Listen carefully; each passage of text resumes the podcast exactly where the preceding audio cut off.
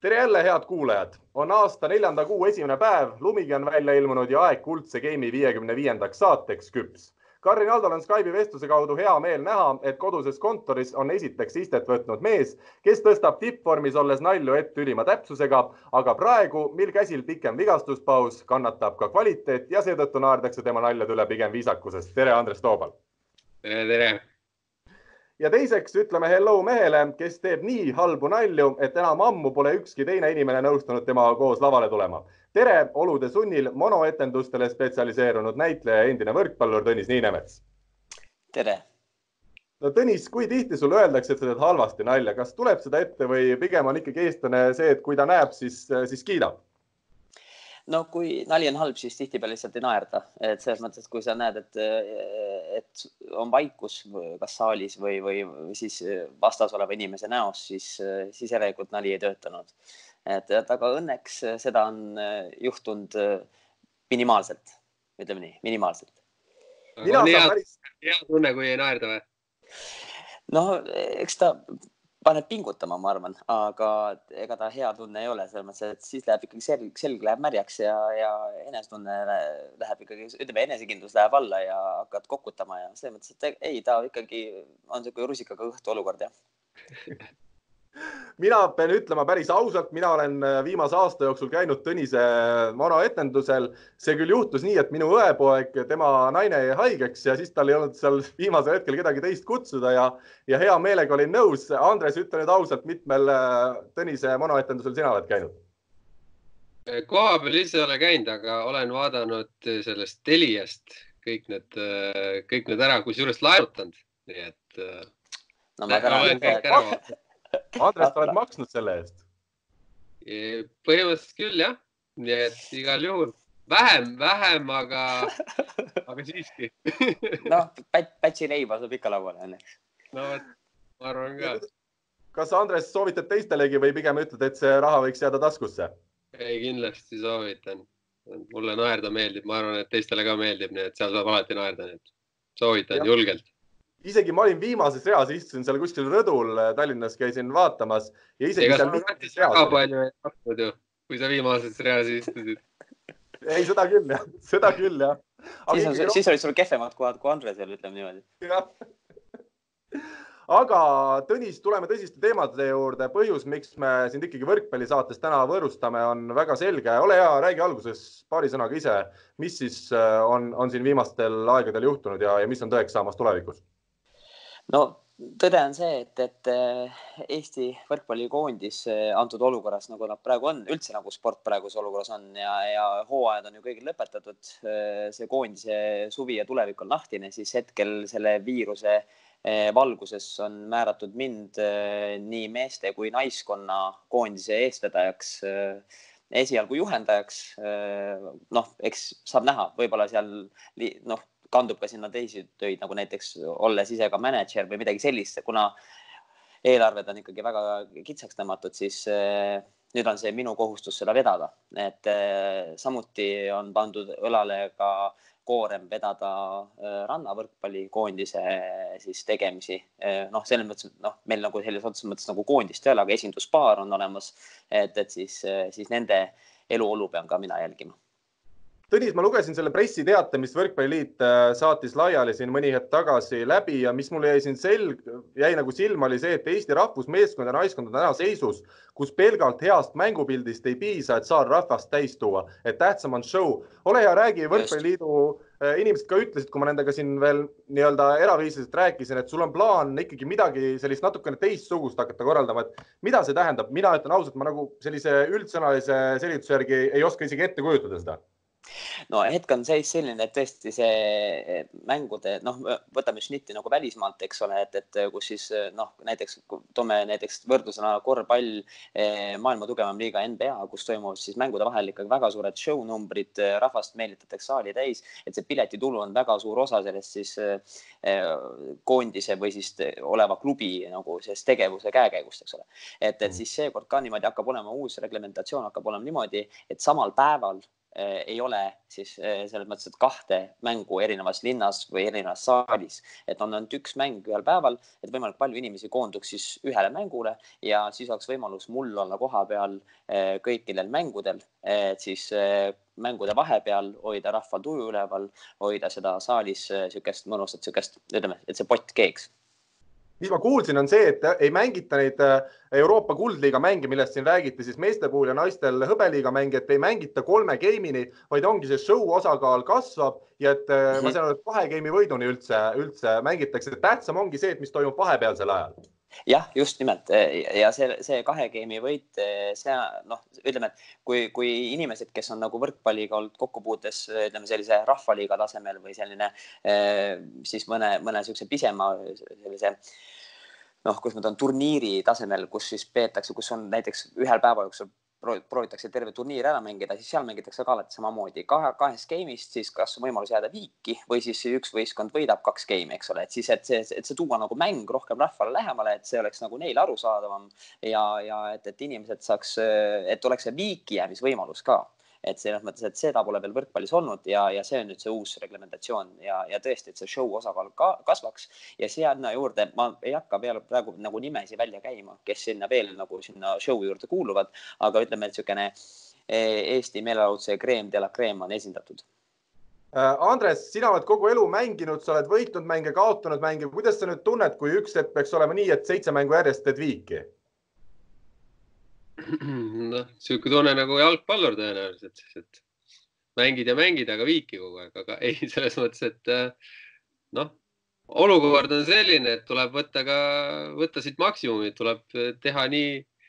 nii nagu kästakse. Ja noh, kui meil on ees selline mees, siis, siis kui ta ütleb, et tuleb nii teha, siis, siis tuleb teha, et siin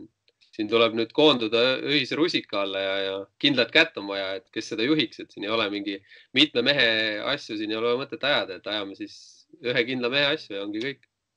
Ma, ma, ma ühe korra veel täpsustaks ka, et miks just niimoodi, et see, see, et see show osakaal kindlasti on kasvanud, on see, et, et kui see, ütleme, kogu see maailmapilt nüüd taastub ja hakkavad uuesti mängud pihta eh, nii koondise kui klubide tasemel, siis eh, see me, me ei saa nagu eeldada, et inimene on taaskord tulemas saali, kui võib-olla tema majanduslik äh, selline äh, rahakott on saanud kannatada, eks ole, et, et teda rohkem saali meelitada, me peame tegema seal mingid muudatused ja pakkuma inimestele selle kõige juures ka meelelahutust. Tõnis, ma saan aru, et rahast ei taheta kunagi rääkida, aga kuna on see info juba välja lekkinud, et äh, sinu kuupalk hakkab olema kakskümmend tuhat eurot ja muide veel pool sellest maksab siis Eesti Teatriliit, et sa ei võtaks kogu publikut nagu endale Eesti teatrilavadel. Äh, kas sa ise tunned, et kakskümmend tuhat algaja treenerina küsida, et, äh, et see on okei okay ja, ja sul nagu mingit häbitunnet ei ole?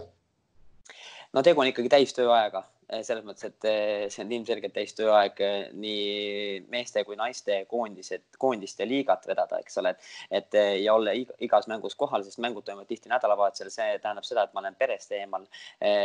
see ja, ja noh, selles mõttes, et miks Teatriliit ka maksab, et ikkagi eelmise aasta vaadatum teatritükk oli ju Tõnis Niinemetsa mängitud tükk eks ole, et, et see näitab, et, et niisugune kakskümmend üheksa tuhat pluss inimest saalist läbi käinuna, et seda, seda, see on kindlasti võimalus tuua ka jällegi võrkpalli nagu juurde, et siin tuleb lihtsalt liita üks pluss üks, et igalt poolt mujalt on ju kärped sees. Kui olukord normaliseerub, me räägime kõigepealt siin koondisest, lootuses, et noh, klubihooaeg meil on läbi, et see koondishooaeg tuleb ikkagi mingil määral ja nüüd see kõige jälle huvitavam, ise mainisid juba meeste-naiste koondist, veel rannakoondist, aga sa oled öelnud äh, välja ametlikus teadaandes, et sa hakkad treenima Eesti rahvusnaiskonda ja meeskonda samaaegselt, et trennid hakkavad toimuma samal ajal saali, samas saalis. räägi, ole hea läbi, milline see selline suur plaan siis treeningute osas on, et kuidas sa need mehed ja naised koos trenni paned tegema, et seal on ju isegi võrgud on erinevad ja, ja tasemed no hetkel on õnn see, et, et ikkagi kõik Eesti saalid on ehitatud niimoodi, et siin on võimalik on panna kaks äh, siis seda äh, saali, noh, kaks siis väljakut kõrvuti, eks ole. Eh, samamoodi see kindlasti tõstab meil seda sellist koondise ühtsuse vaimu. Eh, mind on üks, noh, miks ma peaksin siis nagu käima kahel erineval ajal saalis, kindlasti treeningute osakaal on selles mõttes sama nii naistel kui meestel. Ja fakt on see, et hetkel on enamus mängijaid ikkagi kodumaal. Et meil on seda lihtsam teha lihtsalt niimoodi, logistiliselt lihtsam. Ja jällegi me hoiame kokku jälle saali rendikulul pealt sest et niikuinii koondis võtaks ju terve saali enda alla, me ei saa seda lubada, et koondise eh, mängu või see treeningu ajal on kõrval siis, ma ei tea, laste, lastetrenn või midagi sellist. et, et seega jah, et seega ja pluss veel see, et palle on piiratud arv. palju neid palle koondisel on, see on pikka aega olnud Eesti võrkpalli üks murelaps, et koondisel ei ole piisavalt palle. hetkel on kaksteist sa saad ise ka, Tõnis, aru, et see on, see on naljanumber, me naerame Andresega, sest kaksteist palli, eks ole, ei ole piisav arv, kui mehi ja naisi kokku on seal trennis kakskümmend neli. kas sa, kasvõi oma palgast selline mingi Aga... sümboolne, jah? et ma tahtsingi öelda, et, et kui mehi ja naisi on kokku kakskümmend neli, siis jätkub täpselt niimoodi, et on paari peale on siis see pall. et mul on ainult võib-olla üks, et kui need kaksteist palli kogu aeg on korraga mängus, et need pallid maha ei kuku, et võib-olla siis, siis saab trenni isegi tegelikult ära, ära pidada küll. noh, eks, eks, eks selle, eks selle teemaga on ikkagi niimoodi, et elame-näeme. ma ei, ma ei, ma ei saa, kuna see on uus olukord kõigile, siis lihtsalt äh, mina loodan mõistvale suhtumisele kuna see palk on nii suur, eh, siis ma hakkan kahtlema, noh, ma ise natukene juba kahtlesin, et kas see on võimalik, et sulle ikkagi makstakse seda ametlikult, sul keegi seal, ma vaatasin kodus juba koputas, kas see oli Maksuamet seal kõrval juba korra? Äh, see on põhimõtteliselt Maksuamet ja see on abikaasa, et, et, et noh, et, et kuna tema töö on ka hetkel häiritud, siis ma pean ikkagi oma pere üleval pidama ja kuna tema on lastega kodus, siis, siis, siis noh, noh, ma saan aru, see tundub suur summa aga olgem ausad, eh, me lõppkokkuvõttes, kui palju on inimesi, kes teenivad palju rohkem? mitte palju, Tõnis, mitte palju. no võrkpalliringkonnas küll mitte, aga, aga üldises mõttes on neid ju väga palju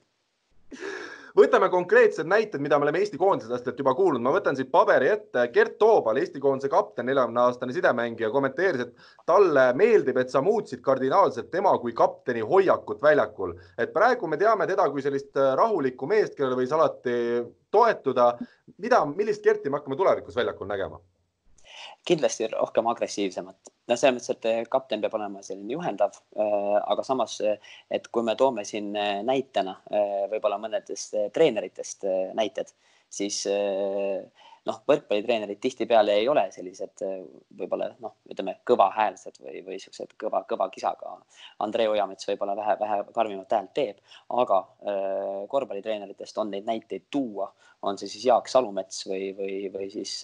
või siis Torbekute isa, eks ole, et, et, et, et, et seega niisugust käredat häält on väljakule rohkem vaja. Meeskond vajab ikkagi vähe niisugust nagu jõulisemat liidrit, kui ta siiamaani on olnud et millal siis veel, kui nüüd äh, karjääri lõpupoole seda muutust teha. see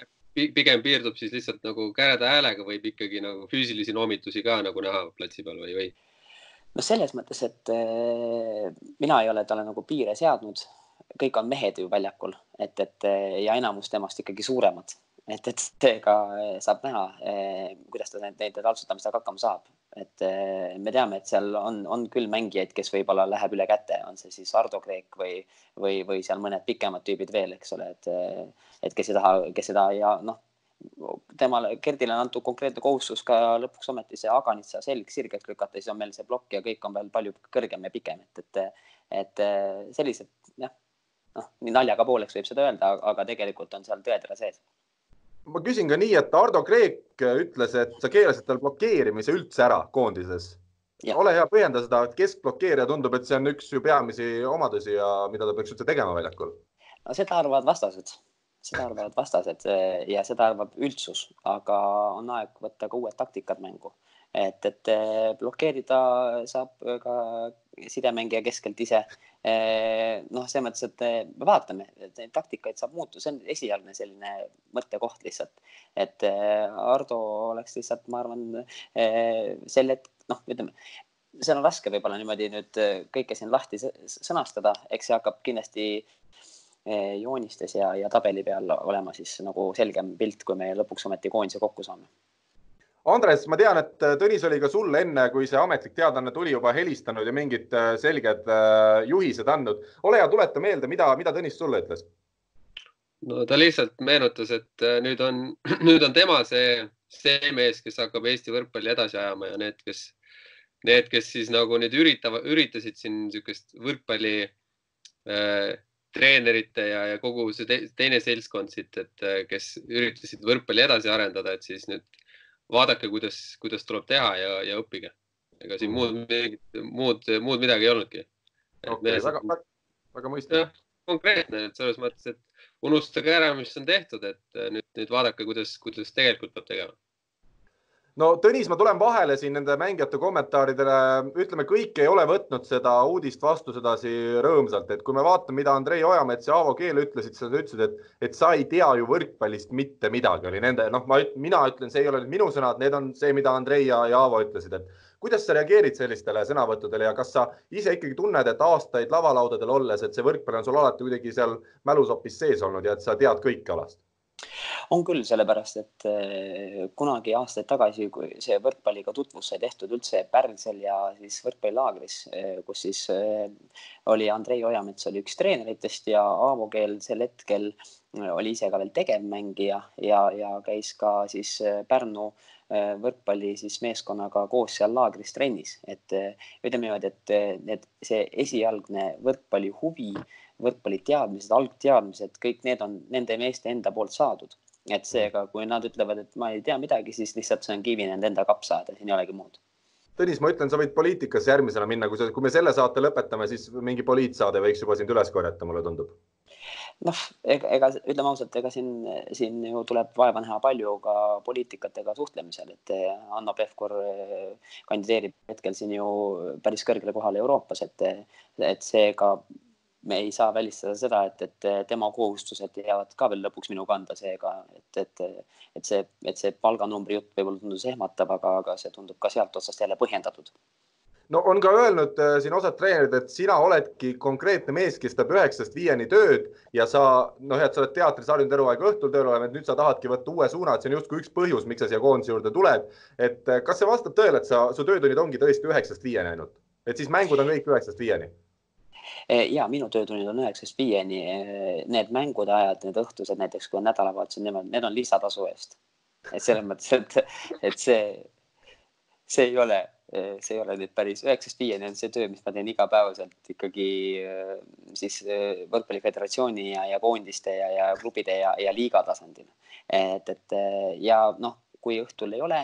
mängu, siis on mul võimalus teha sel õhtul teatritööd ja teenida sealt natuke lisa, et, et pere ära elatada kus te perega elate, et teil nii palju, nii suured kulutused on? me ei ela eriti, eriti suurelt, et eh, pigem on see, et eh, vaadates, mis praegu ma, Tallinnas jah, korteris, kolmetoaline korter, aga, aga me peame vaatama ka vähe kaugemale tulevikku, et, et kunagi ei tea, mis see eluolu toob ja, ja millal jälle on säärane olukord nagu praegu maailmas, et, et kõik on kinni ja, ja siis ei ole loota ainult sellele, et, et võrkpalliföderatsioon appi tuleb no ma toon siin veel ühe näite, Rene Teppmann ütles, et nädala sees te treenite ja igal nädalavahetusel lähevad meie meeste ja naiste koondis koos peole. et me oleme nagu tundub, et maailm on läinud seda suunda, et seda pidutsemist on jäänud profispordis üha vähemaks, aga sina oled tulnud, toonud nagu vägiselt selle osa nagu tagasi, et kõik lähevad. Ja oli isegi vist nii, et ei saa tagasi koondise hotelli enne kella viite öösel, et äh, ole hea, jälle põhjenda natuke oma seda valikut ja, ja mõtteviisi, mis selle taga peitub see kõik on puhtalt ikkagi võistkonna ühtse vaimu siis nagu tugevdamise huvides ja teisalt jälle ikkagi sellise ütleme noh, iseenda vabaks laskmise jaoks vajalik ja samamoodi ikkagi ma ei tea, noh, selline ütleme, vaimne lõdvestatus või selline, see on ju, et. reede ja laupäev, ma saan aru, üks kord nädalas, Tõnis, ma saan aru, üks kord nädalas, et reede õhtu ja pühapäeval, eks ole, järgmine trenn, et laupäev on vaba, aga reede õhtu, laupäeva õhtu ja samal ajal sa oled ikkagi öelnud, et, et mehed peavad olema ja naised ka väga heas vormis, et eh, mul nagu tundub, et väsitate ennast terve nädal, et siin ei ole nagu puhkuhetke ei ole, kui te lasete hommikuni välja nädalavahetusel.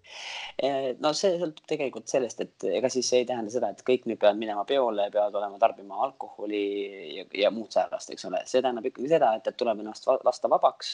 noh, tantsimine on väga hea äh, võimalus lasta ennast vabaks. Ja tegelikult ka see, et, et sa tood sportlased rahvale lähemale, äh, minnes ise välja rahva sekka. Ja, ja selline enda vabaks laskmine ja, ja, ja, ja ütleme, avalikus kohas tantsimine nõuab tihtipeale võib-olla eneseületust. Ja eneseületus on äh, sporti, sportlase juures väga hea, ütleme selline motivatsioon pürgida kiiremini, kõrgemale, kaugemale. Andres, kas sina oled juba käinud tantsimas või kuidas, kuidas sa suhtud sellesse ideesse? ei, väga hästi, et selles mõttes eks äh, iga mees on nüüd ju tegelikult saanud ka kavad kätte, et, et kodus nagu vaikselt harjutada, et alguses niisuguse paari inimese ees ja nii edasi, et, et ega see lihtne korraga või noh, ütleme niimoodi kohe järsult minna kõigi nende nende suur, suure publiku ette on ju, on päris keeruline, et alguses Just. peab saama kolme-nelja-viie inimese ees, et, et, et lõpuks ka ütleme, noh, diskoteegi või, või suure lava ees seal ikka paarisaja inimese, mõne tuhande inimese ees, et ega see lihtne ei ole, et selles mõttes äh, kavad on ees, mahud, mahud selle peale. ja, ja, ja, ütleks ka seda, et, et, et me ütleme, et, et meil on, meil on siin palju räägitud sellest, et, et muusikaprodutsendid, ürituste korraldajad on, on hädas, eks ole, et tulevikus ei tea, kas mingid üritused toimuvad, siis noh, me garanteerime ka nädalavahetustel mingite inimeste liikumise ja, ja, ja ütleme, niisuguse noh, noh, avalikus kohas siis meelelahutuse tarbijate hulga. sa ütlesid enne, sul läheb selg märjaks vahel, kui, kui on teatud olukord, et mul hakkab praegu samamoodi tunduma, sest, sest ma ütlen ausalt, Tõnis, praegu, kui sa räägid seda juttu, see kõik tundub niisugune müstika, ma saan aru, et võib-olla kui me oleme, eks ole, paari aasta pärast või näiteks järgmine aasta kodus Euroopa meistrid, ma võib-olla, eks ole, mõtlen, et nii peabki ja kõik hakkavadki nii tegutsema. praegu lihtsalt anna mulle andeks, ma, ma ei, ma ei suuda seda, ma ei suuda seda veel enda nagu ajusse edasi viia, et nüüd nii hakkabki olema. aga kindlasti on ka, jah. ma lihtsalt tahtsingi öelda, et, et just alles eelmise nädala või selle nädala alguses või oli see, ma täpselt ei mäleta, millal see oli, see kas vist eelmises Pealtnägija saates ETV-s rääkis majandusteadlane, et, et selline maailm nagu eksisteeris jaanuaris, meil enam ei eksisteeri, eks ole, see on majandusliku seisukohast. noh, see näitab seda, et me peame nagu liikuma samas, samas kriteeriumis ka kõige muuga, et, et see, mis toimus meil aasta alguses, need reeglid enam ei kehti, tuleb hakata kõike ümber häälestama ja mõtestama mm. -hmm no ma toon siin veel ühe näite, et Timo Tammemaale sa olevat rääkinud, et ta peaks liberoks hakkama. kui me vaatame keskmist libero pikkust, ütleme maailma võrkpallis, see jääb sinna saja kaheksakümne, saja üheksakümne sentimeetri juurde. Timo on üle kahe meetri, kas sa ajasid siin sassi midagi või sa, või sa näedki Timos tõsimeeli libero materjali? ma näen seda materjali puhtalt sellepärast, et Rikberg on koondisega öelnud, et tema rohkem koondist ei esinda meil on küll olemas siis Silver Maar, eks ole, aga, aga meil on vaja ka ühte liberot, kes võib-olla oleks jälle niisugune kastist väljas libero. esiteks, tal on maru pikad käed. marumeeste kastist väljas, sa mõtled siis, et ongi väljakul? ei, see jah, kindlasti, kindlasti väljaku mängija ja, ja ongi libero positsiooni, me proovime, alati võib selle öelda, et noh, näed, sorry, ei, ei põhjendanud ennast. vaatame vanaviisi edasi, aga hetkel on selline mõte küll, tal on väga pikad käed kui me võtame näiteks teised tempomehed, kas Kreek või Aganit, siis nad on kehaliselt natukene jõulisemad. Timo on selline peenem ta ja samamoodi liikuvam mängija, et ta saaks kindlasti seal tagaliinis väga hästi hakkama no öeldigi, et Argo Meresaare, kes oli ka pikk mees, et tema kaitse ainuke võimalus, kuidas ta palli üles tõi, oli see, et ta jäi pallile ette, et ma saan aru, et Timo puhul sa siis hakkad rakendama midagi sarnast, et laiaks ennast teha seal väljakul ja, ja loota, et pall lihtsalt tuleb vastu sind ja. nojah, eks saab hakata temaga eraldi trenne tegema, nagu tehakse jalgpallis väravahtidega trenne samamoodi, et eh, ikkagi eraldi trenn ka liberoga, et, et eh, ei, selles mõttes, et noh, kui, kui sellest asja ei saa siis fakt on see, et kaitsemänguoskusi kindlasti see tugevdab ja parandab. Ja see on juba vajalik, ma arvan, tegelikult iga mängumehe puhul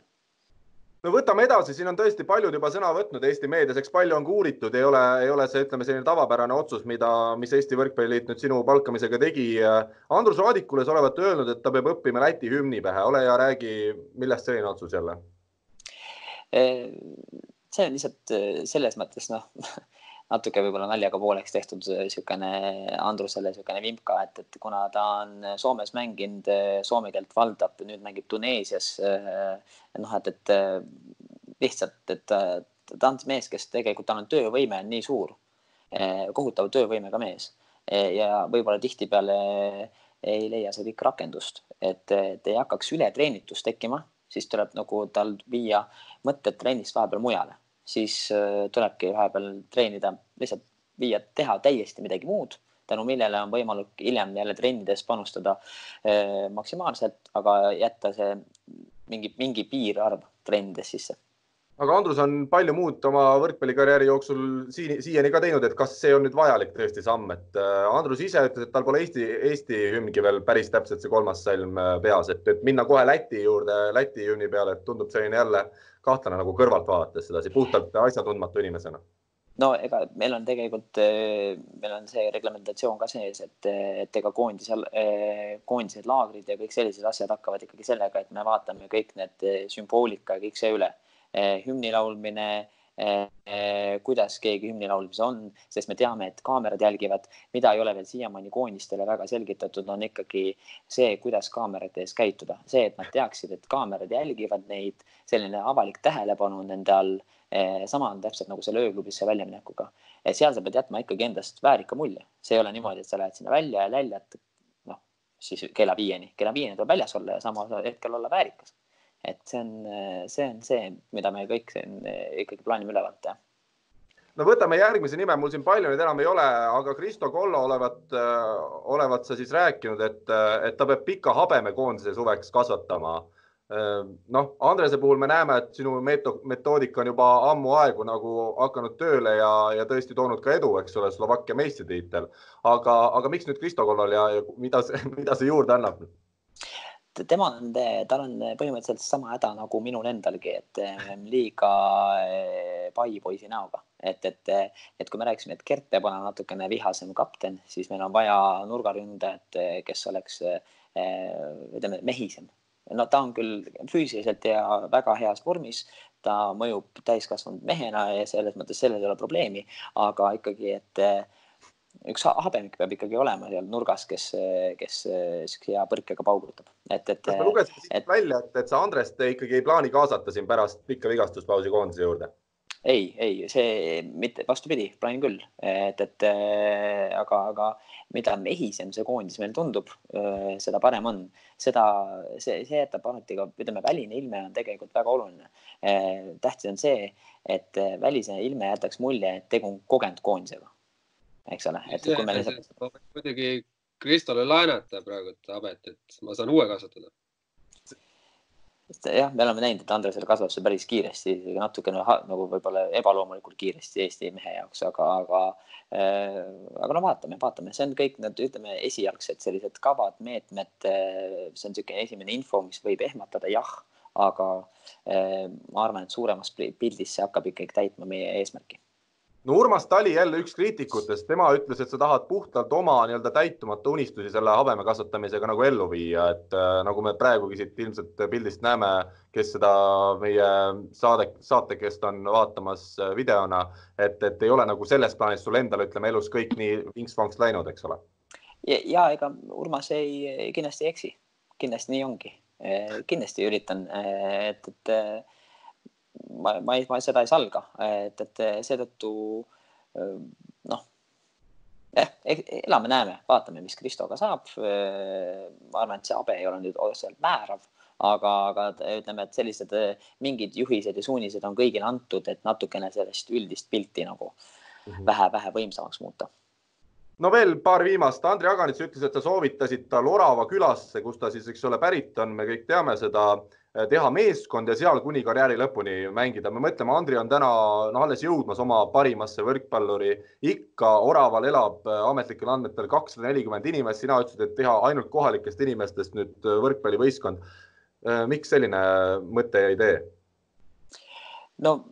selles mõttes, et eh, ikkagi me peame regionaalpoliitiliselt ka vaatama natuke ringi, et see võrkpall jõuaks erinevatesse Eesti otsadesse eh,. tihtipeale ma tahan seda ka suunata kindlasti võrkpalli ja üldse spordiüldsusesse, et eh, see, see fakt, et tippsportlased tihtipeale tulevad väiksematest kohtadest eh,. see, seal on tõepõhi all eh, ja, ja Andri Orava külast pärit me, mehena kindlasti kannab selle Orava küla sellist au ja väärikust endast välja Eh, samas kakssada nelikümmend või oli vist inimest, eks ole, kes seal elab, umbes suurusjärk. ei, no pärast et, seda, kui Andri läks ära, on kakssada kolmkümmend üheksa. nojah, aga, aga viis meest endale kõrval leida eh, hetkel selline ühe, ühe, ühe grupina alustada vähemalt kuuekesi, see ei tohiks olla probleem. no aga seal on keskmine vanus on külas üle seitsmekümne eh,. no vaat. Öelda, ma saan aru, et sul ei ole vahet, kas on mees või naine, me oleme sellest juba aru saanud, aga noh, vaatame jah, et esialgu tuleb sats kokku panna ja, ja siis vaadata, et, et ega, ega siin eh, tuleb ka võtta järgmised eh, mängijad, vaadata, kes kust pärit on ja, ja, ja samamoodi minna nagu väiksematesse kohtadesse, elandada seal võrkpallielu. hiljem jah, Andri saab tulla rahulikult, ega ta võib ka mängida muid mänge, koondist esindada rahulikult. aga lihtsalt on loodud jälle üks võrkpalli niisugune väikene kolle kuhugi Eestisse, mis hakkab siis omamoodi elu elama ole hea, räägi sellest rannavõrkpalli plaanist, sa siin saate alguses mainisid põgusalt, et sul on plaan ikkagi viia randa edasi seda meie võrkpallielu. proovi natukene seda jälle selgitada no hetkel, kui me räägime, et, et, et meil on sporditegevus peatatud, siis äh, olles nagu Eesti Võrkpalli Föderatsiooniga äh, Eh, pikas arutelus, et kuidas seda rannavõrkpalli hetkel saaks ju tegelikult põhimõtteliselt mängida, kui me lähtume sellest kahemeetrisest distantsist omavahel, eh, mida tihtipeale mängijad tegelikult hoiavad, kui vaadata, ega, ega teineteise nina alla väga ei ronita, ei oma võrgu pool ega veel vähem siis teise juures. et eh, sellised üle võrgu alad hetkel oleks võimalik ikkagi jätkuvalt töös hoida ja võrkpallis on see hetkel rannavõrkpall, kus siis oma väljaku poolel suudetakse seda vahet hoida. Äh, lihtsalt küsimus on hetkel veel, mis on lahti veel äh, selgitamata, et kuidas hoida seda, et kõik mängijad puuduvad sama palli, et, et kuidas siis. Äh, võib-olla vahepeal tõstete, eks ole, palli liikumise vahel saab ju alati taskusse panna mingi väikse selle, eks ole, aparaadi no see on võib-olla selline tülikam versioon, aga eh, me teame seda, et, et hetkel ollakse välja töötamas ka sellist eh, palli, millel on siis eh, kerged desinfitseeriv vahend sees olemas, mis siis nagu kergelt imbub pallist väljapoole, et sul on kogu aeg näpud selle desinfitseeriva vahendiga koos, seega viirused ei saa seal levida ja, ja sellises, ütleme maailmaruumis, nagu me hetkel oleme, saaks äh, võrkpalli mängimist jätkata, aga noh, elame-näeme. Äh, üks, mis on kindel, äh, selliseid rannavõrkpallipaare tuleb luua juurde ja oleme mõelnud seal ka ikkagi segapaaride peale rohkem mm. -hmm mida, Andres, sa seal naerad, see minu jaoks tundub väga tõsine ja võib-olla isegi valus teema praegusel hetkel, et, et mis saab nii meie saali võrkpallist? ei, see on väga hea mõte, et selles mõttes hoida, hoida ikkagi äh, need äh, koondise mehed ka, kui ikkagi korralikult trenni ei saa teha, et üksteisele liiga vastu puutuvad, et siis, siis kasvõi, kasvõi see saalitrennid kuidagi niimoodi ära jagada, et iga, iga tulevadki neli, neli inimest äh, saali korraga ja teevad selle trenni ära ja teevad lühema, aga intensiivsema ja tulebki niimoodi vahetada, ega, ega midagi teha ei ole, et kuidagi, kuidagi on vaja vormi hoida ja, ja mõte on ju, et praegult ongi see aeg siin eriolukorra, eriolukorra ajal ongi see, et tuleb äh, tuleb teha niisugust äh, brainstorm'i, et siin tulebki mõelda välja, et mis midagi uut ja, ja, ja võib-olla need asjad hakkavad toimima, et, et me oleme kastist välja mõtlema, nii et. no siin on mitmes linnas juba, Tõnis, on täheldatud seda, et võrkpallurid, Eesti koondise võrkpalluritest me räägime, on hakanud vedama randadest liiva oma autodega siis äh, võrkpallisaalidesse et kuidagi jälle, jälle jääb minu jaoks nagu arusaamatuks, et, et kas siis ei või rannas enam mängida, et nüüd peab saali tooma selle liiva, et kui iga mees sedasi auto, autodega tassib, et see on ju suur töö ja, ja milleks see kõik? no fakt on see, et, et kontroll käib eelkõige ikkagi avalikul, avalikus ruumis, et, et jah, see kõlab praegu hetkel nagu selline ütleme eriolukorrale nagu läbi sõrmede vaatamine, aga pigem on see, et, et saalis sees eh, kokku puutudes ainult siis oma mängukaaslasega, kes on sinust teataval distantsil. Eh, see ikkagi see nakkusoht on väiksem kui see, et me läheme siis randa ja mängime seal, võib-olla tuleb huvilisi, võib-olla tuleb huvilisi vaatama, näed, Eesti koondise mehed mängivad, naised mängivad ja täna ja sellel tekib jälle suurem kogunemine. et, et ikkagi saalid on hetkel ju avalikkuse jaoks kinni. Eh, küll aga me proovime leida kokkuleppele, et, et võrkpallurid saaks oma treeninguid jätkata täpselt nii, nagu Andres ütles, et neljakesi saali, trenn ära ja hakkame leidma mingit niisugust treeninggraafikut läbi selle. No ma vaatan praegu äh, hetkel, mil me seda saadet lindistame, vahetult enne saate algust tuli siis ametlikult välja, et sa oled uus treener, aga nüüd pool tundi hiljem on ka Võrkpalliliit juba teatanud, et nad on rahalistes raskustes ja, ja on lähedal pankroti väljakuulutamisele ja selles ma, sa Tõnis teed näo, nagu sa, sa ei oleks oodanud sellist, kui me vaatame su palganumbrit, eks ole, see on täiesti loogiline käik. et sa olevat seal juba ka pressiteates välja pakkunud, ma ei tea, kas nüüd Võrkpalliliit on selle ise pannud kirja või oled ikkagi sina need sõnad öelnud, et toetajatel on võimalik osta endale koht koondises, et äh, kuus meest on need, kes sa võtad alati nii-öelda paremuse järgi ja ülejäänud mehed, kes siis vahetuses peaks sekkuma, on kõik äh, puhtalt äh, mis on summa, seda lähemal oled sa siis järgmisena väljakule pääsemisele ja selle idee ma käisin kohe alguses välja puhtalt sellest, et saada toetajad taha. et, et eh, fakt on see, et kui, et eh, võib-olla siin noh, me peame veel seda asja vaatama, kas toetajatele pakkuda ikkagi reaalselt ikkagi mängupäeva jaoks ka kohta siis kuskil pingi otsa peal, et sellisel juhul lihtsalt äh, noh, kas nad mängu saavad, see on juba küsimus omaette, aga tegelikult eh, mida toetajad tahavad, tahavad olla võrkpalli juures, tahavad seda elamust saada, et me müüme hetkel pileteid eh, toetajatele võimalus siis eh, liituda koondise laagritega. juba laagris saab kindlasti kätte selle õige, selle, selle tunde mis, kuidas see koondis elab, kuidas hingab ja kindlasti tahetakse saada see kätte, see igapäevane laagri rutiin mis kell on äratus, söögid, koosolek, video vaatamine, niisugune plaani tegemine, saalitrenn, individuaaltreeningud, et kui nad sealt saavad juba selle tunde kätte, siis nad on, ma arvan, veel rohkem selle võrkpalli juures ja hiljem lihtsalt toetavad võrkpalli edasi, omamata seda kohta selle pingi ääre peal. mis summadest me räägime, Tõnis? sa mõtled, mis on kohatasu? no ma ei tea, kuidas sa seda idee oled välja mõelnud. jah, naistekoondises on see nelikümmend viis tuhat ja meestekoondises on see kuuskümmend viis tuhat miks on vahet, miks on vahet naiste ja meeste võrkpallikoondis, kas, kas sa nagu alaväärtustad meie naistekoondisesse pääsemist? ei, vastupidi, eh, vastupidi, eh, seal on vähe väiksem hind, tänu sellele peaks meelitama pigem rohkem eh, inimesi juurde, kes peavad seda võimalikuks, et, et meestekoondisesse juba jah, ma arvan, et see kuuskümmend viis välja käia, et siis sellisel juhul pead sa olema ka vähe tugevamalt treenitud ja, ja, ja et, et no vaatame, et, et naistekoondistega on lihtsalt äh, fakt on see, et meil on vähem väljaminekuid. aga Tõnis, äh, mida siin on ka räägitud, äh, et mitmed mängijad, kes ikkagi ei ole sinu talendi kui treeneri suured austajad, nad on öelnud, et käinud kõiki sinu, kõikidel sinu monoetendustel, aga et sinust kui treenerist nad lugu ei pea. et pidi olema ka teine variant, kui võib osta ennast koondisest välja, et äh, sa kinnitad, see vastab tõele see vastab tõele jah. Saame näha, saame näha, mis mängijad seda võimalust eh, kasutama hakkavad.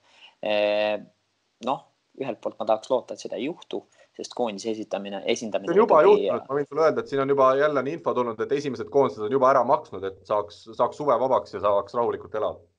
noh, sellisel juhul see on täitsa huvitav olukord, sest summa on ju suur ja, ja, ja, ja kus nad selle said või, või, või miks laen, nii palju. Tõnis, laen no, võib-olla laen, võib-olla siis pandi kogu oma hoo. noh, ei tea, igal juhul seda asja hakkab uurima juba komitee, kuhu kuulub siis peale minu veel paar inimest. ja noh, kuna sul on maksuametnik eh, kodus olemas, siis. jah, noh, elame-näeme, need kindlasti me need, need olukorrad käime üksipulgi läbi üks asi, mida me näeme selles pressiteates, kus on see suur nimekiri kirjas, äh, sa kutsusid Aavo keelekoondisse sidemängijana Markus Keele asemel. kas siin on tegu eksitusega või sa planeerisidki selle, seda ei, tegu ei ole kindlasti eksitusega. tegu on äh, absoluutselt tõega. Äh, just seda enam, et, et me oleme näinud, kui mõnusate teravate, võib-olla üks, üks vähesemaid selliseid treenereid, kes on seal mõnusate teravate väljaütlemistega. et, et et kindlasti ta hoiab äh, võistkonna sees äh, äh, just noh, tihtipeale on vaja koondise juurde selliseid inimesi, kes siis riietusruumis hoiaks sellist õiget vaimu. et ta ei tulegi riietusruumist välja, Aavo ei tule riietusruumist välja üldse? ei, eks ta ikka näeb saali ka, et, et aga lihtsalt noh, jah, vaatame, vaatame, kuidas see hakkab olema, et, et kõigepealt hindame tema füüsilist vormi ka, et, et ega me, ega me enne, enne ei hakka nagu ütleme, põrsas kotist me ei osta. et saavutused saavutusteks ja, ja medalid medaliteks, aga, aga aga hetkel noh, vaatame, ta peab ikkagi nagu näitama endast füüsilisest küljest ka. Naistekoondises oli juttu seelikutest, kas me nüüd räägime siin antud juhul ikkagi reede ja laupäeva õhtutest või see seelikute kandmine hakkab saama traditsiooniks äh, nädala keskel samuti? see on kindlasti kogu nädala vältel. Et, et me, me, me näeme spordis äh,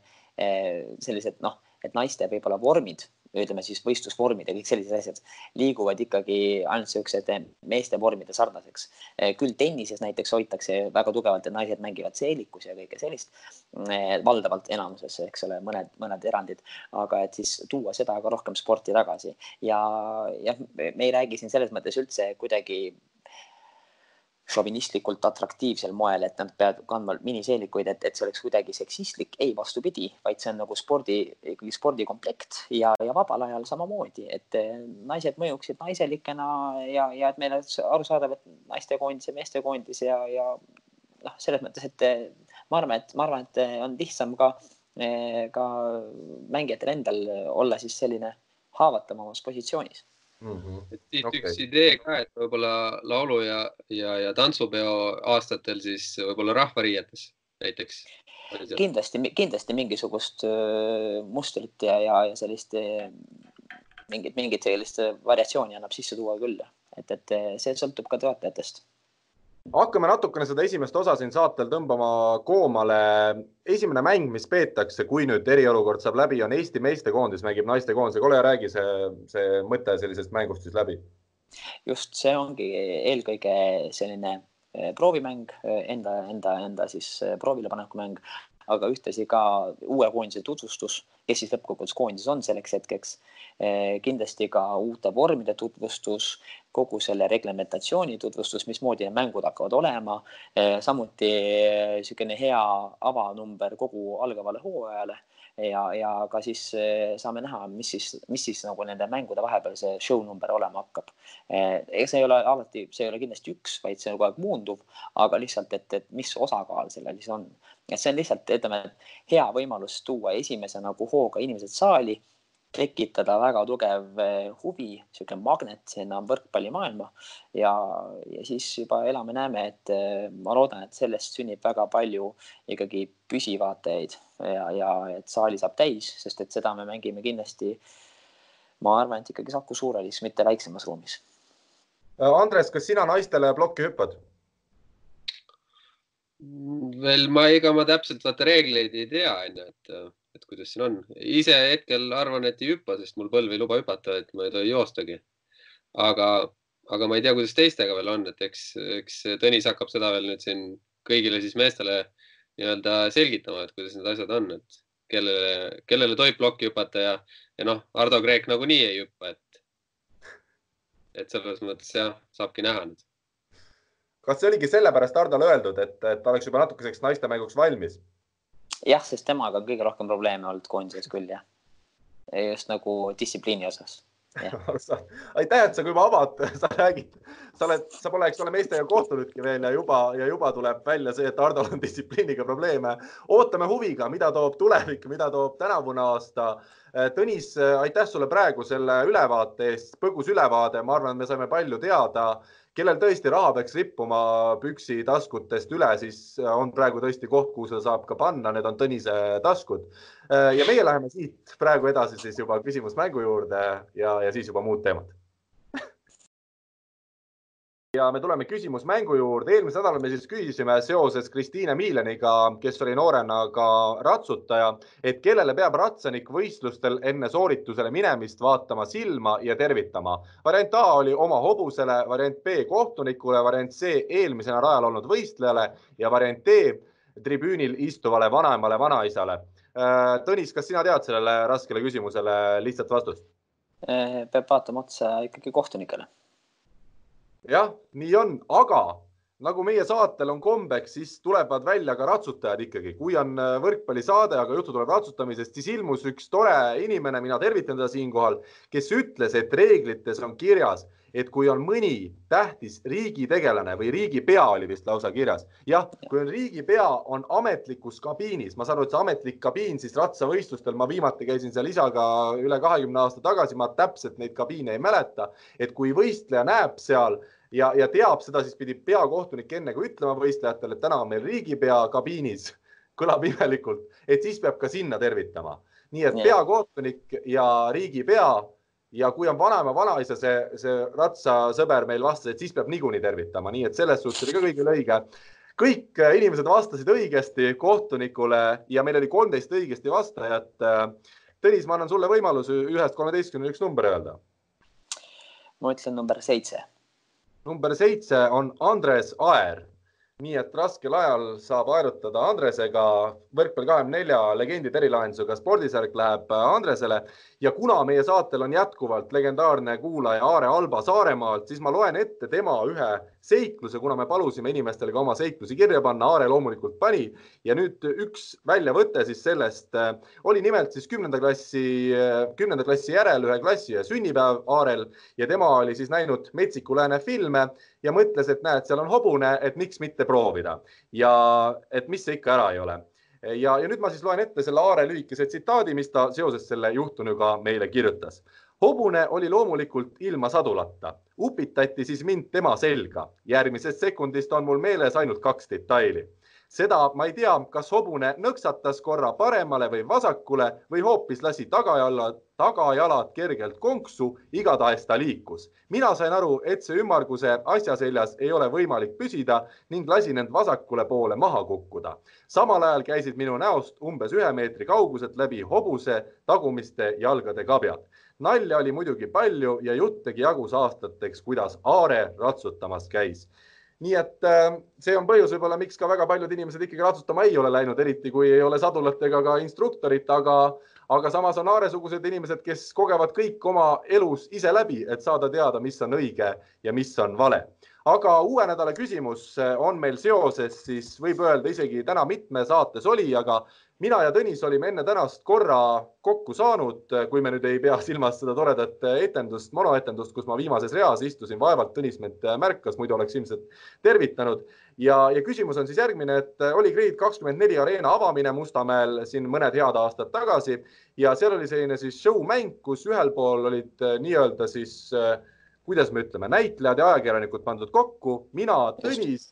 ja kaks inimest veel, üks oli siis üks väga tuntud Eesti spordiajakirjanik ja teine oli siis üks tuntud äh, näitleja ja võib öelda nüüd lausa teatrijuht, eks ole, Tõnis peaks nii olema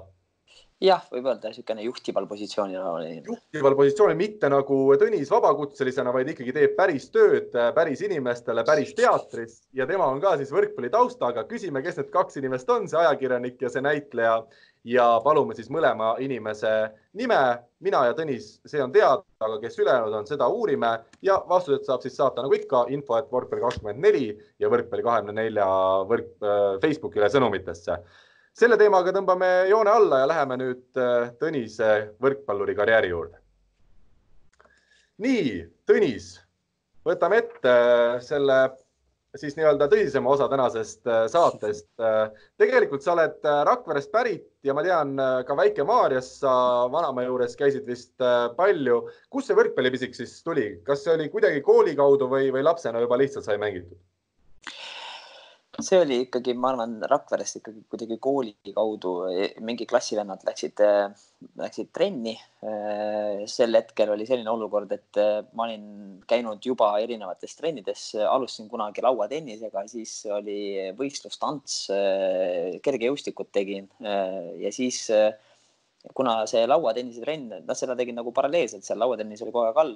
ja lauatennise trennid jäid kuidagi ainult harvemaks, harvemaks lihtsalt tänu sellele, et kooligraafik ja trennigraafik omavahel ei ühtinud, siis otsisin mingit muud trenni, kus saaks ikkagi viis korda nädalas trennis käia. Mhm. ja selleks oli siis samas majas tegutsev äh, võrkpall, et, et äh, Mati Meriranna juurde läksin trenni äh, ja seal ootas juba selline mõned, mõned tuttavad ja siis ülejäänud niisugune punt võõraid ees. mis vanusest me räägime? see oli, ma arvan, äkki kuskil viiendast äh, klassist või kuuendast klassist, äh, siis viiendast klassist äkki alustasin või midagi sellist, et äh, neljas-viies klass jah, midagi, midagi, midagi sinnapoole, et see vanus võis olla siis ütleme kuskil mingi kümme, üksteist või? küsin sult, ega see kurikuulus saal, kus pinks all oli, see oli see, see kirik või? ja see on see kirik jah, see on see kooli vastas kohe, see on see, see on see rahu, rahuhall või kuidas see või on see, see mingi muu vist, et see on see, see sport, spordikirik spordikirik või kuidas seda nüüd nimetatakse, eks ole, et, et. nii et sina käisid ka veel seal jah? ja, ja, ja mina käisin ikka valdavalt seal trennis, mina, mina vist selle ajani, kui mina trennis käisin, ma käisingi ainult seal. et siis toimusid meie trennid kogu aeg seal jah. Andres, kas sina mäletad Tõnist kui noort võrkpallurit, te olete ju koos suhteliselt, suhteliselt sarnase eaga mehed? ja ei, selles mõttes, et kui, kui see tuli jutuks mingi hetk siin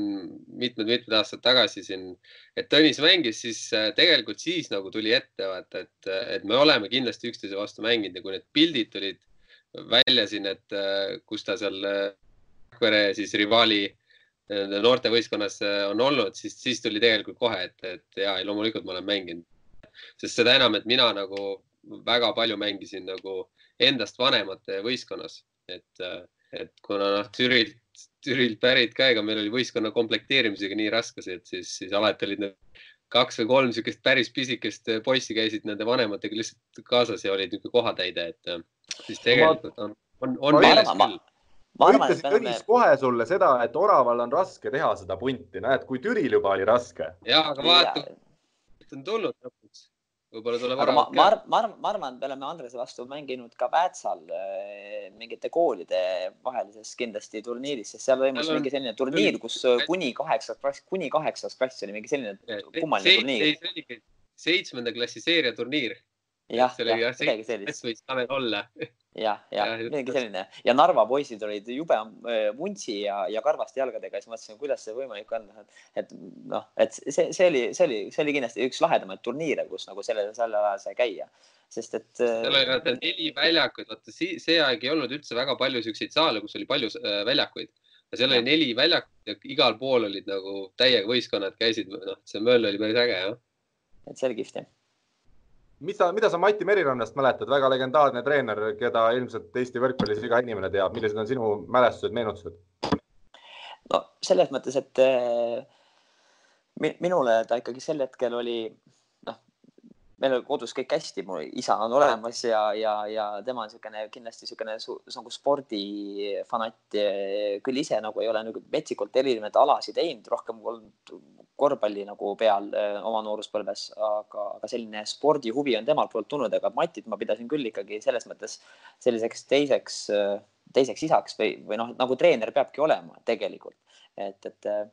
et tema puhul mul oli ikka, vaatasin noh, temal ikkagi väga alt üles, samas eh, kuidagi meil oli omavahel, ma ütleks, väga hea läbisaamine on siiani, et eh, me oleme kohtunud ka nüüd aastaid hiljem ja, ja, ja, ja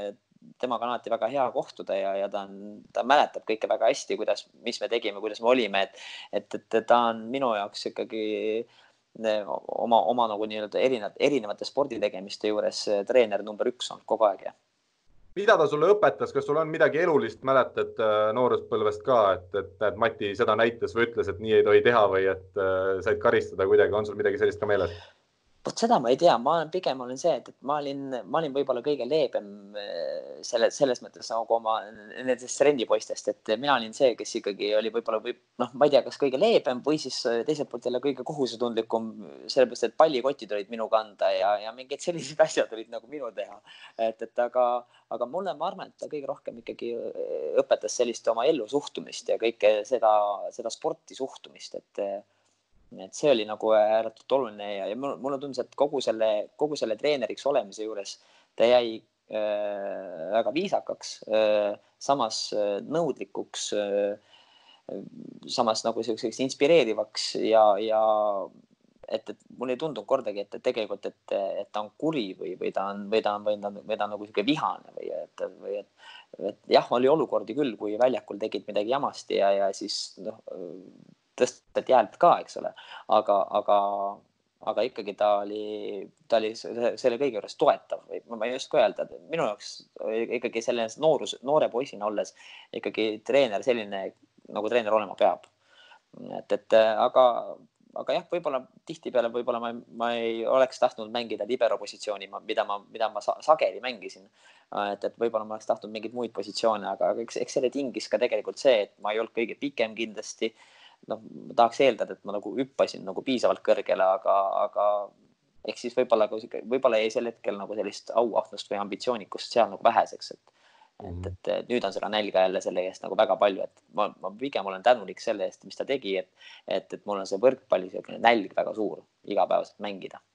kusjuures mina mäletangi sind sellelt samalt äh, show mängult ja, ja hoolimata sellest, et me mängisime sügavas liivas ja et, äh, ja et mina olin toona veel viisteist kilo raskem kui praegu ja mul ei kerkinud kuidagi need varbakesed sealt liivast üles, siis ma mäletan, sul oli nagu hüpe sinnamaani väga hea, et äh, kas see loomupärane hüpe on sul kuidagi kaasa antud ja selline atleetlikkus või sa oled ise lihtsalt noorena meeletult vaeva näinud selle nimel? Ma ei ütleks, et ma olen eh, nagu meeletult vaevanud, pigem nagu proovisin trennis teha maksimaalselt ära need ülesanded, mis oli vaja teha, et, et eh, mis siis, mis siis eh, ka seda hüppevõimet treenisid. aga mulle on alati nagu meeldinud, ma olen selline, ma olen selline keksija tüüp olnud nagu kogu aeg või selles mõttes, et eh, tahaks loota, et kõik need asjad, mis ma või no kõik need spordialad, mis ma olen teinud, on kuidagi nagu äh, seda soodustanud, et, et eh, see pikkus on nagu ta on, niisugune Eesti keskmine, eks ole, et, et siis millegagi pead seda kompenseerima ja, ja ma ei ole kunagi olnud nagu probleeme ka ei kehakaaluga ega midagi sellist, mille, millegi sellisega, et, et pigem on see olnud nagu vähe kui palju, et, et ma ei tea, e-, eks, eks see võib-olla on niisugune kombinatsioon kõigest kaua sa võrkpalli tõsiselt mängisid ja kas sul oli kunagi selline selge eesmärk ka, et sinust võiks ikkagi saada ühel päeval professionaalne võrkpallur? Soov oli küll, oli küll saada jah, ma tahtsin kindlasti mängida seda väga kõrgel tasemel. Aga ma mängisin seda ikkagi niimoodi, et igapäevaselt trennis võistlused, kas äkki viis, kuus aastat või midagi sellist, et selline põhikooli lõpp, tulin siis trennist ära. et, et ma ei teagi, mis seal määravaks sai, võib-olla see, et vaatasid, et kuidagi teised äh, arenevad siis nagu füüsiliselt ka nagu kiiremini ja, ja võib-olla ma ei, ma ei teagi, mis seal, võib-olla siis nagu muud huvid ka, eks ole, et, et, et aga, aga jah, vähemalt on see, et, et armastus mängu vastu jäi. Esimest korda saate ajaloos, nagu me saate alguses ütlesime, viiekümne viies osa, ma tunnen ennast nagu saatekülalisega võrdsel tasemel, et, et samamoodi minul oli esimestes klassides, ma olen kunagi vaadanud, et kõik ette, mitte ütlused, etteütlused, vaid siuksed väiksed kirjandi moodi, mida lapsed tegid esimeses klassis, kõik oli, et siis oli just Erki Nool äh, Sydney olümpiavõitjaks tulnud ja kuna ma ise käisin kergejõustikutrennis, oli igal pool, et minust saab kergejõustiklane, kümnevõistleja ja loodetavasti olümpiavõitja, et ma näen, Tõnis, siin on kaks ebaõnnestunud äh, sportlast äh, täna kokku saanud. et mul on siiralt hea meel aga, aga jah, vähemalt, vähemalt see, ma arvan, et see tingis vähemalt nagu väga suure nagu huvi trennis maksimaalselt eh, pingutada. ma arvan, et see oli nagu, et see on nagu, nagu ikkagi sellele võib nagu tänutundega tagasi vaadata. sa ütlesid, sa kuna te olete mõlemad, olete mõlemad ju nüüd, sina nii-öelda sihuke kirjamees on ju, Tõnis ju on siin võitnud, mis sa võitsid, Oskar Lutsu? ei, ei, ma olen see mingi meelelahutaja olen. ei, aga oota, kas võitnud kunagi mingi mingit, seda ei ole, mingi, ma ei tea, kirja, mitte kirjandi, vaid mingi jutu, jutuvõistluse. aa, ma olen ja Liivi, Liivi luulevõistluse võitja. kuule, ta ei mäleta kõike, mis ta võitnud on. kuule, Andres, noh. ei oota, kui me nüüd räägime sellest, et üks on nüüd või te mõlemad olete nii-öelda alla käinud sportlased või, või polegi saanud sportlaseks niisuguseks, et, et tal on vähemalt nüüd näidata üks preemia, et kas sul on ka mingi preemia kirjanduslikult? Aasta kõige halvem spordiajakirjanik Eestis, ma arvan, kui antaks välja, siis selle võib-olla saaks ma pigem, pigem kaldun arvama, et võib-olla kõige pühendunumad eh, spordiajakirjanik. Eh, ma pigem, ma pigem tõstaks, pigem tõstaks, kui langetaks. noh, seda on rõõm kuulda. aga esimene preemia esimene preemia, vaata, kust tuli, et nüüd võib juba pillid kotti või edasi võib lasta ja. juba sedasi ilma pühendumuseta. aga kui me räägime sinu sellest gümnaasiumiajast, äh, sa ütlesid põhikooli lõpus, see natuke isegi üllatas mind, ma arvasin, et sa mängisid kauem tõsiselt võrkpalli, et kas siis gümnaasiumi ajal sa olid ikkagi näitlemisele juba rohkem pühendunud äh, või mis su selle aja röövis? jah, eks selle aja röövis jah, tõesti selline näitering. Äh, samas ka siis käisin juba veel rahvatantsus ka ja, ja, ja noh, tegelikult võrkpalli kui sellist mängisin ikka edasi, aga lihtsalt niisugune igapäevane trenn jäi ära et, et aga, aga suvel need rannavõrkpallid ja, ja erinevad, no täpselt see, nagu sa enne alguses mainisid, see Väike-Maarja, kus minu vanavanemad pärit olid ja kus ma kogu oma vaba aja veetsin, siis seal toimuvad, jätkuvalt toimuvad sellised eh, siis turniirid, mis on niisugune kohalikele mõeldud või ümberkaudsetele inimestele mõeldud ja seal ma käin ikka aeg-ajalt mängimas, et eh, küll satun harva, aga, aga just eh, kaks tuhat üheksateist september käisin seal mängimas ühte turniiri ja väga-väga mõnus on, et just mängida, et sa tunned, et selles seltskonnas vähemalt äh, kuidagi oled, on, on seal tase läinud ka päris kõrgeks, seal on ka endiselt sellised Rakvere trenni poisid on kohal ja, ja mängivad oma mingite satsidega, et, et, äh, et see on väga-väga põnevaks läinud, ikka lööb ikkagi vere vemmeldama ja ikkagi meenub, aga see on alati niimoodi, et siis tundub, et sa ju jaksad hüpata väga kõrgele ja, ja jaksad lüüa ja jaksad möllata seal väljakul ja siis pärast teist mängu saad aru, et tegelikult on juba vaikselt võhm koos, et, et, et, et see tingib jälle võib-olla mingi siukse trenni tegemise praegu. aga need nii-öelda Võsu, Võsu rannavõrkpalliturniirid, seal ei ole enam osa veel? ma proovin sinna minna, sest mind on sinna meelitatud ikkagi eh, Elia Lulla ikkagi on, on meelitanud ka, et tule mängima, et, et, et sest et suvel meil laagrid ju Võsul kogu aeg toimusid seal Matiga koos ja, ja siis, siis me seal ju mängisime, noh, mitu nädalat järjest olime laagris, et see neli nädalat kestis vist laager, eks ole. et, et seega sihuke suvi Võsul on, on täitsa tuttav teema. Sest minul on need alati näitajatega seonduvalt, et Mikk Mikiver oli kogu aeg Võsu seal rannas või käis isegi Rakveres mänge vaatamas, et tal oli suvila ju Võsul ja seal oli niimoodi, et kui sa läksid randa või vahet pole, mis kellaaeg sa läksid, seal istusid Mati Merirand Mik, Mikiver ja Lembitu Kuuse ja kõik olid siuksed ülipruunid mehed, kes istusid äh, juba hommikust saadik seal ja, ja lihtsalt päev otsa toksisid võrkpalli mängida, et see oli niisugune legendaarne. mul on äh, täiesti endal nagu mingi pilt on ees, kuidas need, need mehed seal olid täpselt et.... ja, ja. aga saite mängida ka nendega siis noored poisid või, või see ei tulnud kõne alla või? No pigem meie tegime oma trenni ja nemad olid äh, sellise mõtteline niisugune tugi seal, et, et Kai Lembituga meil oli kokkusaamine, sest ta oli Mati suur sõber ja ühtlasi ka vist Võsul naabrimees, kui ma ei eksi, sest Matil on ka endal suvila seal Võsul ja suvekodu. ja, ja Lembituga meil oli selline kokkusaamine, kus ta rääkis meile spordist ja spordi tegemisest ja kõigest sellest, et ja lisaks oli seal siis ka veel see ma hetkel ei mäleta ta eesnime, sporditreener ja selline füsioterapeut Heinmets, tema poeg Martin Heinmets on ka Urmas, nüüd. just, et, et noh, jah, Urmas jah, et, et tema ka siis tema pojad käisid ka meiega seal niimoodi Eh, tegemas eh, suvel laagrit koos ja, ja siis tema meid natukene niisugust füüsilist ettevalmistust ja sellist füsioterapeudi poolt eh, ja, ja nägemust pakkus ka, et, et tegelikult ütleme see tänu, tänu nendele meestele, kes seal lihtsalt kõrval olid ja rannas käisid ja, ja tänu sellele oli see, oli see laagripilt päris lai.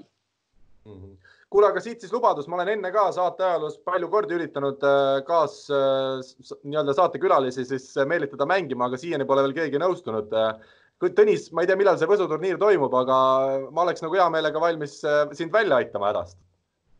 Äh, ma, ma pean vaatama, millal see toimub, sellepärast et äh, võin julgelt öelda, hetkel on septembrini vaba, et, et, et võin Võsul mängida suvel küll. aga kahemeetrise vahega igal juhul, isegi siis, kui on juba eriolukord möödas jah, kindlasti, kindlasti seda puhtalt lihtsalt noh, sellepärast, et ma tean sind nii palju, et, et jah, et ka kaks meetrit kindlasti vahet jah väga hästi. kui ma rääkisin Mart Juhkamiga täna hommikul enne saadet, äh, küsisin, et mida tema sinust mäletab, tema on siis ütleme sellest viimase aja võrkpalli generatsioonist võib-olla kõige tugevam, äh, kõige kaugemale jõudnud võrkpallur. ta ütles, et mina küsisin, et kas sul on see hea hüpe meeles, et mul on see meeles, ta ütles, et tal on pigem meeles jutukus ja energilisus kes olid veel need äh, mängijad, kellega sina kokku puutusid siis noorena võrkpallurina? No kes hetkel eh, võib-olla laiemale üldsusele ja, ja, ja kes võrkpallimaailmas jätkuvalt tegutsemas on, siis siis oli seal eh, Reimo Rannar oli meie trennis, eh, kes siis Selveris on mänginud pikalt-pikalt ja, ja Harri Palmar, kes hetkel vist on Saaremaal, kes on pendeldanud seal Saaremaa ja Pärnu vahet ja, ja, ja samamoodi Rakveres oma hooaja või karjääri, tippmängija karjääri lõpetanud, kui, kui nii võib öelda, Elia Lulja oli siis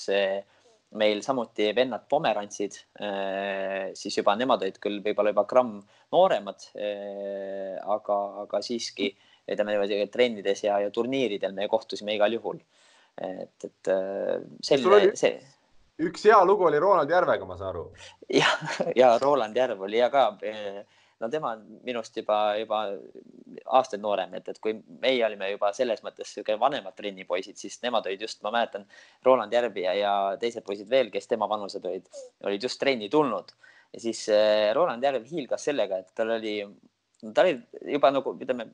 meile vanematel poistel oli ka juba nagu kadedaks tegev hea varustus oli tal millegipärast seljas. et, et tal vist isa ka mängis minu arust ja, ja, ja ta, tal oli väga-väga lahedad tossud ja ta oli, ta oli üldse, ta oli kui sa tihtipeale vaatad, et, et kuskil, ma ei tea, avalikel korvpalliväljakutel või mingid mehed on sihuke hästi stiilse varustusega, teevad siukseid NBA liigutusi, siis tema oli vist nagu vaadanud mingeid võrkpallimänge ja, ja kuidagi nagu proovis sealt nagu matkida mingeid liigutusi ja kõik siukene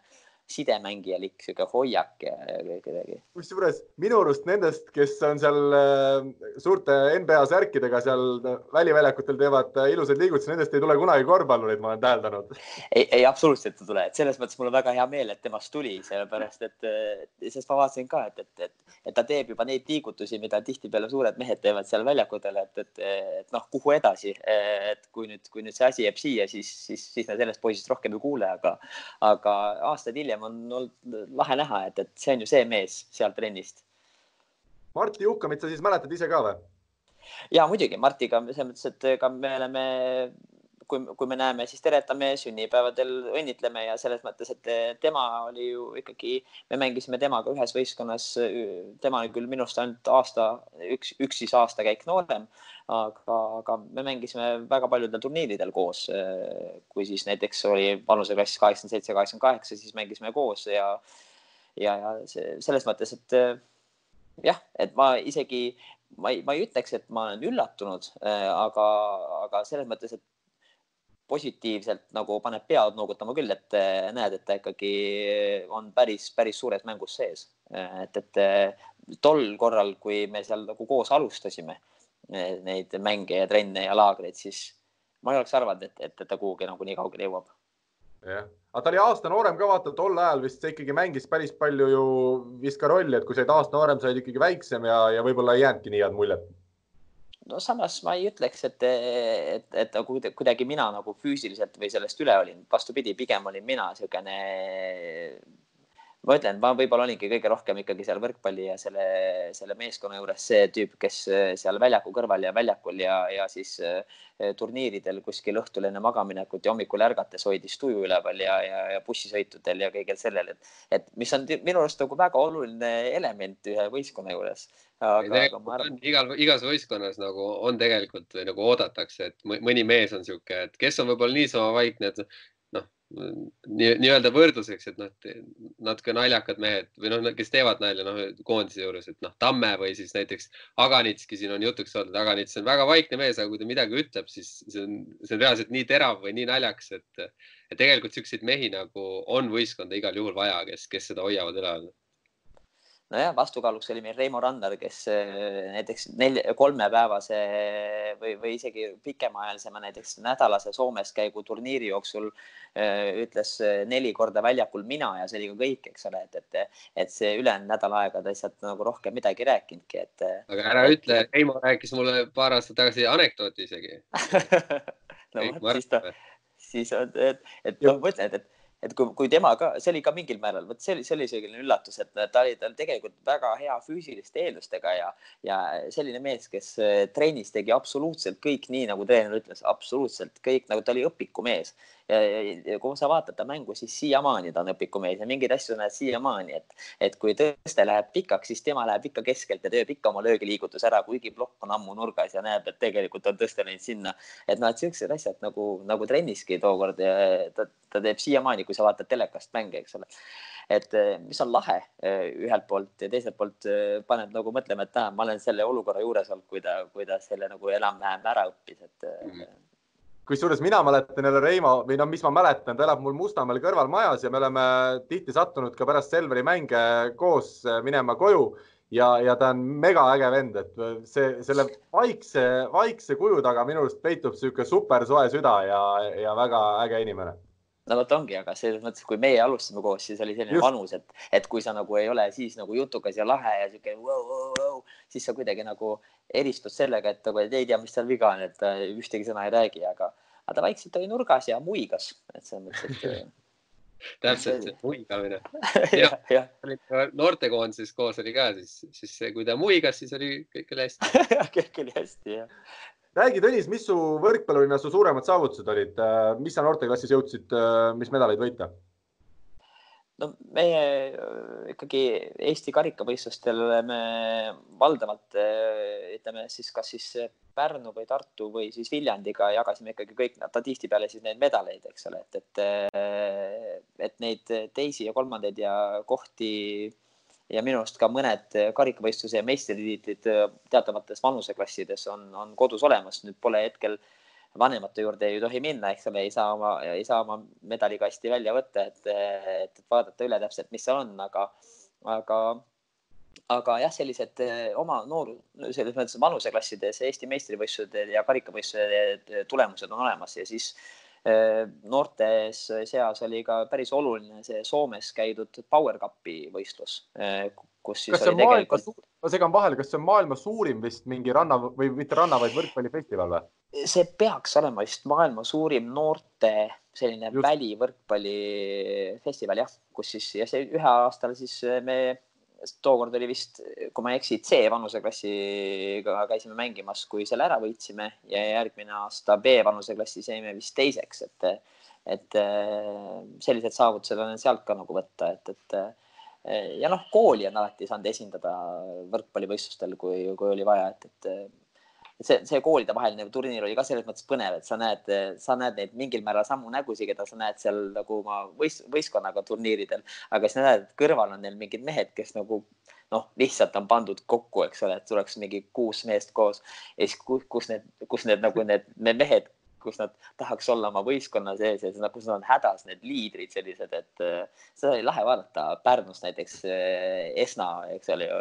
seal Üle Jõe gümnaasiumis, kui ma ei eksi, ta mängis vist, et siis, siis Sten Esna vist oli jah, või ei, Asko Esna, vabandust. Asko on noorem. jah ja,, Asko on noorem jah, just vasakukäeline veel. päris hästi paugutas sealt nurgast, aga kui ta oli kooliga koos, siis oli tal ümberringi olid no mitte nii head mehed kui Pärnus muidu, et kusjuures see on minu arust ju võrkpalli üks selliseid suuremaid eripärasid, et kui me võtame korvpallis needsamad koolivõistlused, me ma arvan, me kõik mäletame oma ajast, et oli kasvõi üks mees seal vastasvõistkonnale, kui ta oli jube osav, siis sa no kaitses, sul oli väga raske teda kinni saada, aga võrkpallis sa ikkagi ühe mehega ei tee mitte midagi ära ei, muidugi oligi hea, kui mängisid näiteks äh, või, või kui oli ka, olid turniiril lihtsalt oma võistkonnaga, kui sa mängisid Lasnamäe Tähe vastu ja, ja kui Kreek oli tagaliinis, siis nagu ma, siis oli see, see, see, et proovime nüüd maksimaalselt punkte saada, proovime nüüd maksimaalselt punkte saada, eks ole. et sa mäletad, mul ei olnud kas, kas sa mängisid Kreegi vastu siis ka, kui see, see mingi natuke väiksema väljakuga süsteem oli, kus siis vahepeal kaks inimest vist olid väljas? jah, jah, kus on neli ja, ja, ja seal ja, ja, ja mängisin jah. see, see, et Kreek läks välja, siis nüüd on vaja punkte teha, sest pärast nagu enam ei saa ja, ja sest et mul ei olnud mõtet tal plokk hüpata, mul on, Mati ütles, et kui sa plokk hüppad, pane käed niimoodi, eks ole, et siis ta lööb võib-olla su käte peale, pall põrkab üles, et mul ei olnud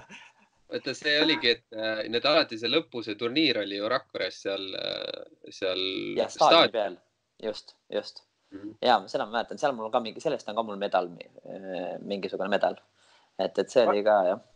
aga kes veel on need mingid hilisemad tuntumad, kas sportlased, keda sa mäletad just vastasvõistkondadest, sa Kreegi tõid välja, oli veel keegi selline sinu vanuseklassi oma või? no Raadiku vastu olen ka mänginud. sealt peab kindlasti hea lugu olema vot tema vastu nagu ei mäleta mingit head lugu, aga mäletan seda, et, et ega Kreegi vastu oli mängida ebamugav, aga oli mängida ebamugav ka tegelikult sellise mehe vastu, kes hetkel minu arust enam ei mängi nagu Martti Rosenblatt. kes oli ka ikkagi väga mitmekülgne, väljaku nägemine oli ülihea nii eesliinis kui tagaliinis tõi ikkagi väga hästi, pluss veel väga hea serv. et võib-olla jäi tal puudu sellist nagu noh, niisugust nahaalsust või sellist, ütleme, niisugust äh, tuhhi või, või ma ei tea, seda ei puudu võib-olla tema mängu puhul, aga, aga üldiselt tehniliselt ja, ja, ja, ja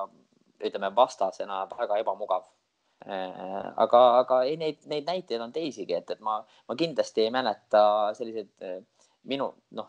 minu vastu kindlasti ei mänginud ei Täht ega, ega Aganits ega Tammemaa ega sellised mehed, aga aga, aga, aga jah, võib-olla, võib-olla sellised mehed on nagu hetkel välja tuua küll mm. -hmm. okei okay., kas su vanem vend ka mängis võrkpalli või tegi ta ka sporti?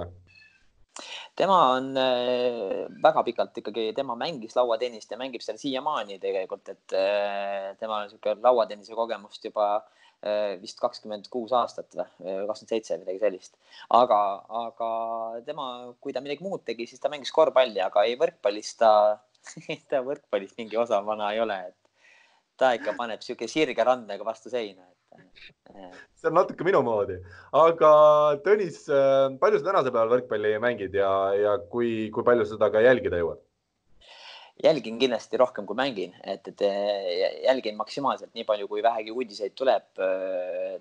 noh, selles mõttes au ja kiitus äh, sellele tööle, mis sa teed, tänu sellele on, on, jõuan ka jälgida rohkem uudiseid, aga jälgin ikkagi kõikide koondislaste ja, ja välismaal mängivate mängijate tegemisi jälgin, sest et osad on ka sotsiaalmeedias väga hästi jälgitavad ja, ja oma tegemisi seal üles riputavad. et, et aga mängin natuke vähem, kui tahaks mängida, tahaks mängida ikkagi iga nädal mitu korda, aga, aga trenn on kord nädalas. kas ma sinna jõuan, see on juba iseasi, sest et eh, trenn on neljapäeviti ja neljapäev on ikkagi minu nagu valdkonnas tihtipeale ikkagi tööpäev, inimesed käivad teatris. Pole midagi parata, aga, aga eelmine, see hooaeg nüüd ei jõudnudki ühelegi liiga mängule ega trenni, sest et lihtsalt tegemisi oli nii palju. Ja nüüd on see hooaeg juba läbi ka meil, aga, aga eelmine hooaeg ikka sain kõik liigamängud ära käia mängida ja jõudsime seal Rahvaliigas oma meeskonnaga play-off'i ja, ja see oli nagu tore küll. mis äh, tugevusaste? ma jään vastuse võlgu, vist mingisugune nõrgem, nõrgem tugevusaste. Kolm on seal. kolm jah, kolmas tugevusaste vist. oi, Tõnis, sealt enam madalamale ei ole võimalik langeda, nii et te olite, jäite püsima, ma arvan, see hooaeg. on küll võimalik madalam aga see on võimalik, et lihtsalt sa ei mängi, see on nagu see madalam, madalam klass, aga, aga ei, selles mõttes nagu seltskond on tegelikult lahe, kui kõik ikkagi põhi, põhi, põhi nagu mehed on koos, siis. tahtsid öelda ka, mis võistkonnas sa mängid või? Eesti Pank ja Finantsinspektsioon eelarve on paigas. meil ei ole muret hetkel jah, väljasõitude ja võistkonna särkide osas, et seda veel muret ei ole. ei naljaga pooleks jah, et, et aga võiks öelda, et tingimused on, ütleme trenni tegemiseks on, on super head et, et see ei tähenda, et meile midagi kinni makstakse. mina olen pigem lihtsalt seal nagu külaline, sest et mina ju seal ei tööta aga tänu sellele, et iga trennikaaslane saab nagu võtta endale ühe liikme kaasa, siis tänu sellele ma saan seal mängida, aga seltskond on kirju, teinekord näed mõnda trennikaaslast kuskil Eesti Panga laua taga pressikonverentsi andmas mingi teemal, siis mõtled, et aa, et meil ta on eh, libero, aga näed, siin annab ta mingit väga kõva finantsi, eh, finantsnõu tervele riigile, et, et selles mõttes on lahe Öeldakse ikka, et elus pead oskama tasakaalu hoida. kuidas sina siis seda tasakaalu leiad, kui sul on ikkagi nii palju neid etendusi ja tööasju, et sa ütledki, et sa ei jõua siin viimase aasta jooksul ei ole jõudnud ei mängudele ega trennidesse sisuliselt?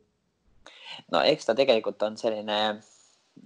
endal raske, et tahaks ju mängida palju rohkem, kui, kui saaks, et eh,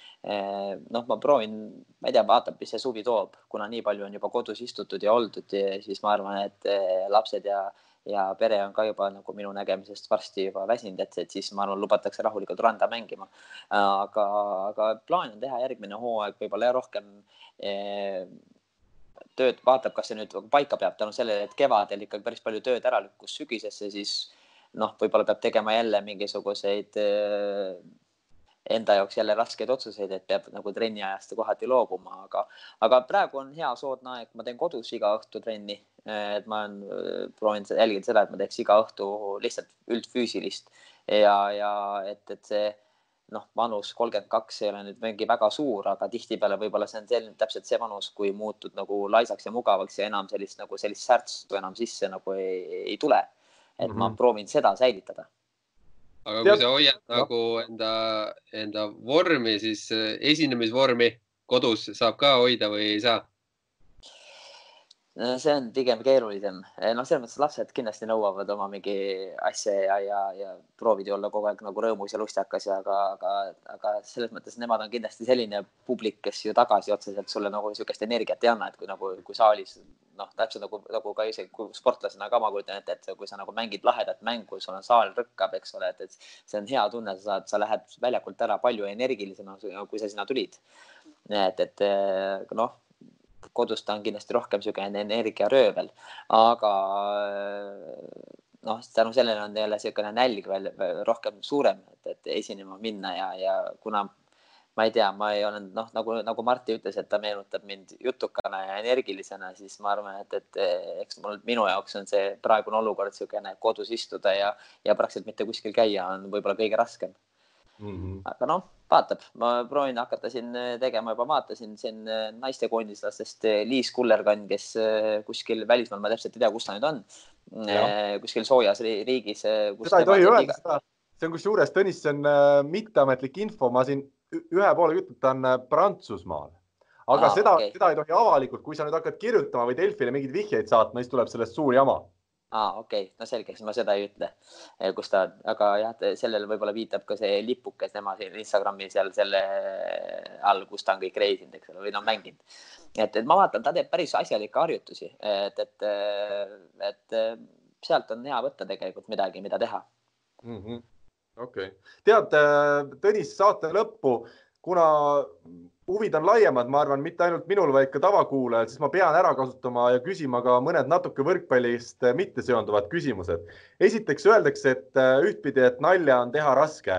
ja, kes teeb hästi nalja, see, seda, seda kõvem saavutus see on. teisalt ütlevad ikkagi näitlejad ju ise ka, et, et sellise tõsise draama tegemine on noh, paljude jaoks või osade jaoks hästi tähtis. kuidas sina nagu endas oled selle läbi mõelnud, et kas sa tunned, et see nalja tegemine sinu jaoks ongi ikkagi see, mis sul tuleb kõige paremini välja, sa tahaksid teha seda väga nii-öelda pikka aega või sa unistad ka sellest, et mingi hetk ikkagi teha sellist väga tõsist teatrit, minna kuskile teatrisse veel nii-öelda ametlikult tööle ja, ja nii edasi? No ühelt poolt on hästi tore olla selline inimene, kes pakub inimestele rõõmu ja kes pakub sellist lusti ja, ja kes, kus tullakse ütlema, et oi, kui tore, ma pole ammu nii palju naerda saanud ja, ja see on ühelt poolt on see väga tore, eriti nagu selles maailmas, kus me praegu oleme. no jätame selle koroona korraks kõrvale, et, et üleüldiselt ka see kogu see poliitika, mis meie ümber käib, et tihtipeale sellest otsitakse sellist just naeru teel sellist välju, väljapääsemist. teisalt õnneks ma olen siiamaani jätkuvalt saanud noh, teha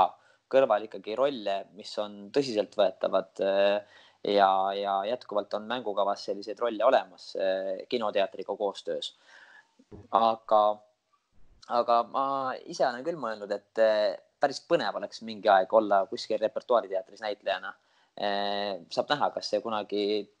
nagu täitub või mitte. et, et hetkel mind võib-olla võetakse jah, liialt sellise nagu pullimehena, et, et aga noh, ma ei tea, seni kuni tänu sellele on tööd ja pakkumisi ja see mind ennast ei ole ära tüüdanud ja ma iseendale ei ole nagu ebameeldivaks veel muutunud, siis noh,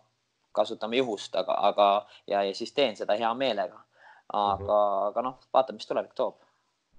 teine küsimus, kas see hakkab vaikselt ära ka mingil hetkel üle viskama, et tänaval ikkagi kõik inimesed või paljud inimesed ära tunnevad, et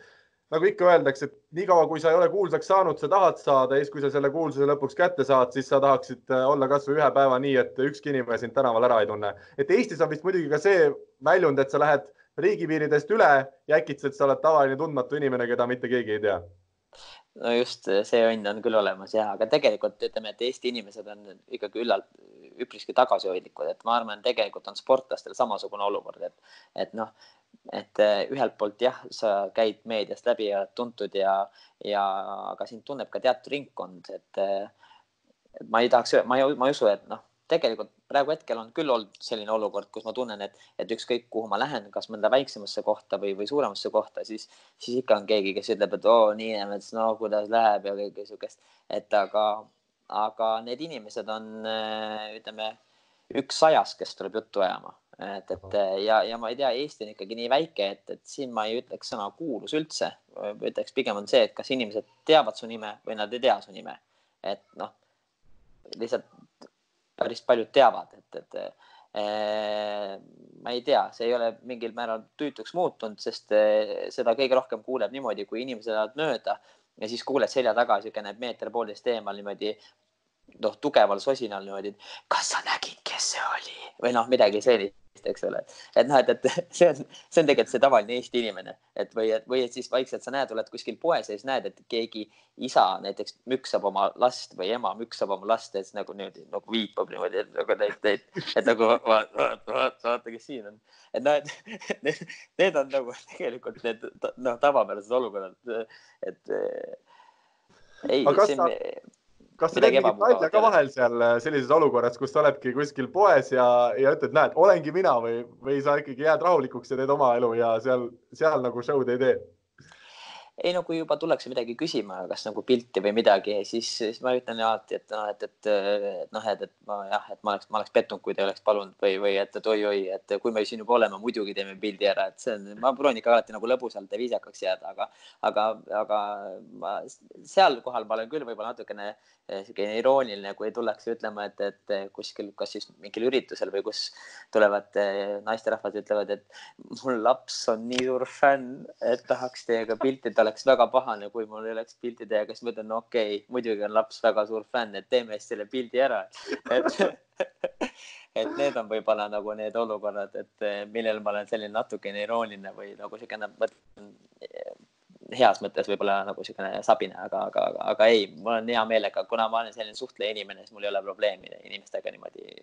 pildi teha ja jutustada. aga niimoodi mingeid purjus inimesi või siukseid lihtsalt natuke labasemalt, et noh, davai, tee nüüd nalja või siukest asja ei no juhtub, juhtub. Ikka, need on ka tegelikult ikka väga tavapärane praktika, aga, aga, aga seal tasub ise jääda tegelikult viisakaks, siis see võib-olla peletab kõige rohkem selle inimese või noh, ütleme, et muudab tema endaga taltsaks, et kui sa temaga natukene liiga viisakas siis tal hakkab endale ebamugav ja siis ta ütleb, ah, hea küll, tee selle pildi ära, lähen minema. et, et aga tead, Tõnis, selline küsimus, et mina ka olin kooli ajal selline ikka pigem kloun, et, et igal olukorras, kus võimalus oli, ma mängisin lolli ja siis e, ongi nagu sellest ajast peale on olnud selline olukord, et, et inimesed võtavad, et kui Karl on seltskonnas, siis justkui peaks olema tema see, kes teeb pulli või teeb nalja, aga tegelikult mina näiteks elan üksinda, ma olen noh, suure osa päevast või, või palju ma olen kas arvuti taga või kodus ja, ja tegelikult ma olen väga rahulik inimene ja, ja mulle meeldib üksinda olla ja rahus olla. kas sina ka nagu vahel tunned seda, et, et ütleme, et sa tegelikult ei ole võib-olla selline nagu tavainimesel jääbki mulje, et näed, et iga hetke iga nurga peal viskab ainult nalja ja, ja ei oskagi tõsine olla? ma arvan, et ma olen see tüüp, kes samu, samamoodi on kodus, on tegelikult vaikne ja, ja niisugune tuima näoga lihtsalt, et, et seda on nagu abikaasa ka öelnud, et miks sa, miks sa ei või nagu siin olla selline, nagu sa mujal oled, eks ole. et, et aga, aga ma arvan, et see tegelikult see, see sünnib sellest, et kui sa näed teisi inimesi, ma ei tea, mingisugune lüliti läheb nagu tööle või, või kuidagi niimoodi. et, et ma ei, nagu ei eelda, et, et kui ma mingis seltskonnas olen, et ma pean olema mingisugune seltskonna hing või, või, või nüüd hakkama, hakkama pulli tegema, vaid see kuidagi mingil määral eskaleerub selle, selle jutuajamiste sees Just. aga võrkpalliga seonduvalt, kui sa platsile lähed, kas sa seal räägid palju, sest on tegelikult on päris palju näiteid, kui on siuksed hästi siuksed jutukad mehed, siis lähevad platsi peale just mängudel või ütleme turniiridel täielik vaikus, ei tule midagi, et kuidas sul, et kas sa oled samamoodi, läheb juurde veel või tuleb maha? ma pigem olen ikkagi jutukas, ma pigem olen, ma arvan, jutukas, et puhtalt sellepärast, et, et, et mängu, et, et tekiks ikkagi see mängus see suhtlus. ma mõtlen selle suhtlust, et, et nad teised mängijad nagu noh, võtaksid seda ka samamoodi jutu üles, noh, et, et noh, puhtalt, mis mängu suhtes ma mõtlen seda, et noh, et, et kes midagi võtab palli, noh, kõik niimoodi, eks ole. nii. no nüüd tuli maksuamet, selge, maksuamet on saabunud. ja maksuamet saabus siia tuppa. et, et, et ei, tegelikult ma olen, ma olen mängu väljakul ka ikkagi väga jutukas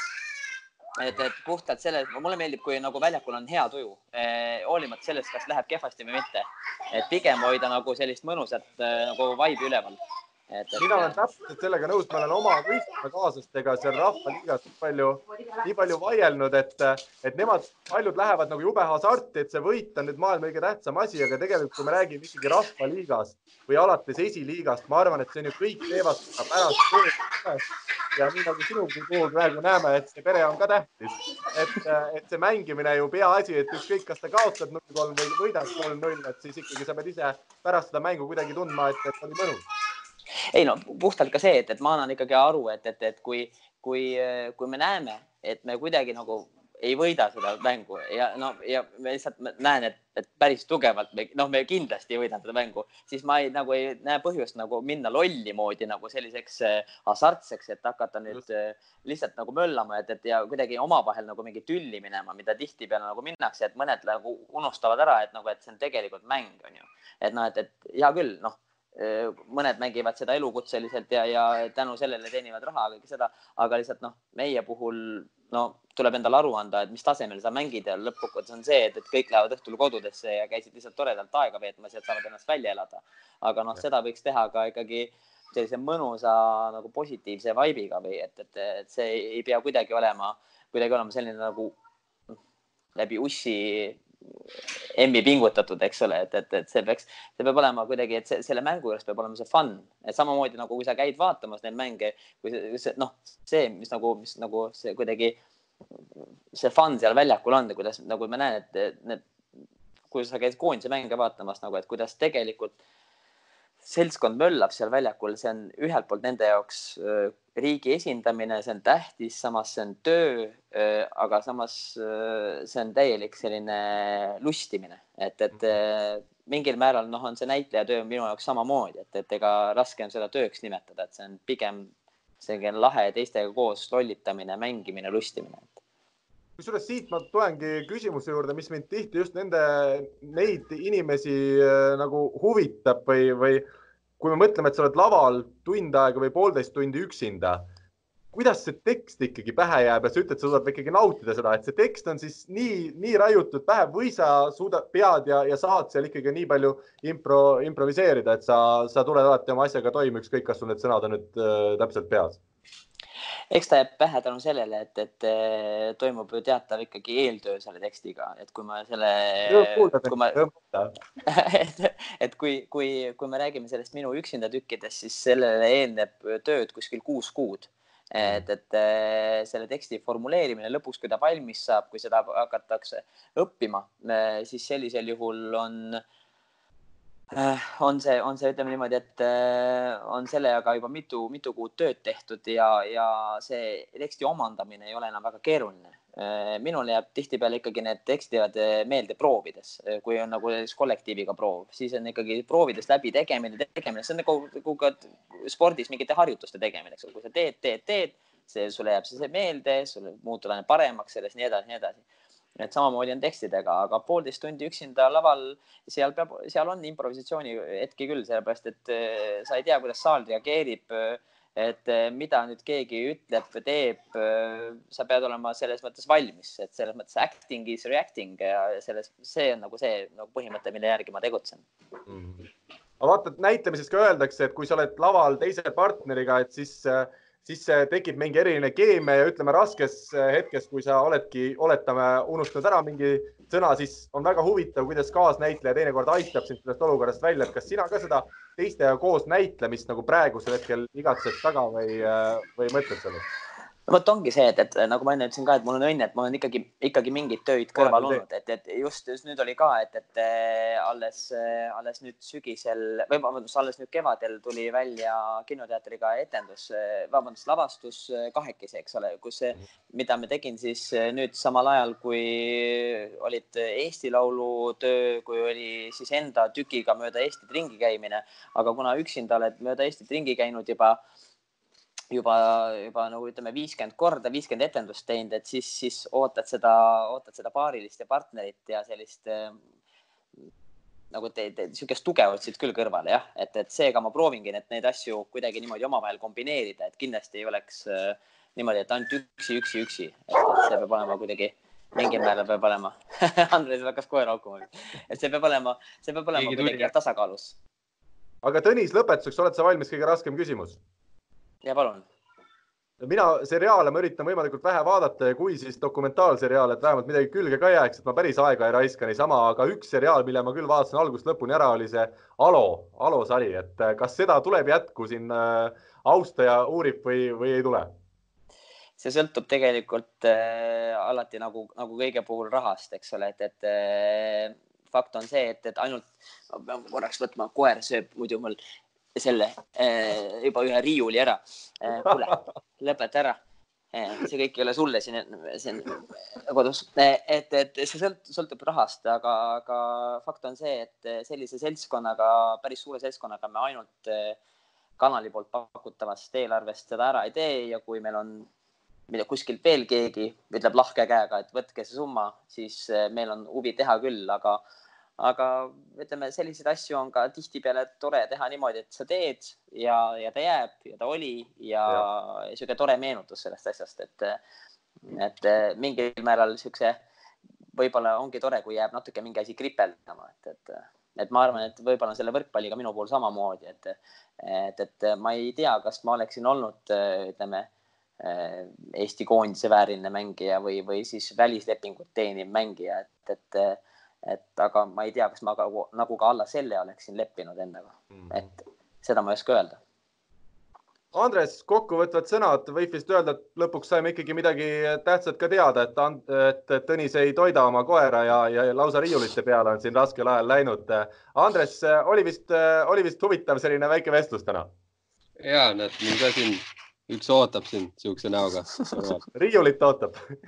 riiulit ootab jah, et äh, kaua, kaua me muliseme. ei, selles mõttes ma arvan, et neid küsimusi oleks siin palju rohkem, et ma ise ka sihuke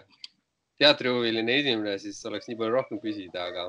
aga selles mõttes on tore näha just, et, et tegelikult päris, päris palju nagu näitlejaid on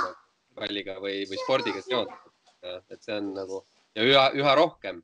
et kui, kui võib-olla vaadata ajalukku, siis ma arvan, et äh, nii paljud äh, nii-öelda vana generatsiooni näitlejad võib-olla ei olnudki nii sportlikud, kui pigem rohkem siuksed äh, noh, loomeinimesed äh, selles mõttes, et täiesti loomeinimesed, ei olnud võib-olla noh. jah, et eks, eks, eks vanal ajal oli seda sellist, räägime nüüd natuke teatrist ja võtame pitsi viina ja sest eluolu oli ümber ju natukene võib-olla ma ei tea, kurvem ja hallimates toonides, eks ole, et, et aga nüüd, kui tegelikult elu ei ole nii raske, kindlasti ka mitte näitlejatele ja, ja ikkagi keha on töövahend, siis tuleb seda korras hoida. et, et siin ei olegi midagi, midagi selles, selles mõttes parata, et, et näitlejaid on Eestis väga palju ja, ja kui sa tahad selles, selles sektoris tööd ja siis sa pead ka tegelikult vaeva nägema ja, ja sa pead olema vormis igas mõttes. et see on ka võib-olla nagu näide, miks, miks tihtipeale või need räägitakse, et oi, näitlejad enam ei joo või miks see noorem generatsioon enam ei pidutse või ei istu kuskil Kuku klubis või. ega ma arvan, tegelikult sportlastega on samamoodi, et, et vana, vana, kõik räägivad, et vanasti võtsid need sportlased ka napsu, ei olnud midagi, eks ole, et, et et tänapäevases maailmas, kui kõik on nii kiire, siis ma arvan, et sa ei saa seda lubada, kui sa tahad olla konkurentsis no, täpselt nii ongi, noh, selles mõttes see, need ajad tagasi, noh, oligi tegelikult ju võideldi mingi muu asja suhtes, et võib-olla ütleme niimoodi, et Eestis olidki näitlejad võtsidki viina, sest nad võib-olla enda selle võitlemisega kogu korra ja muu vastu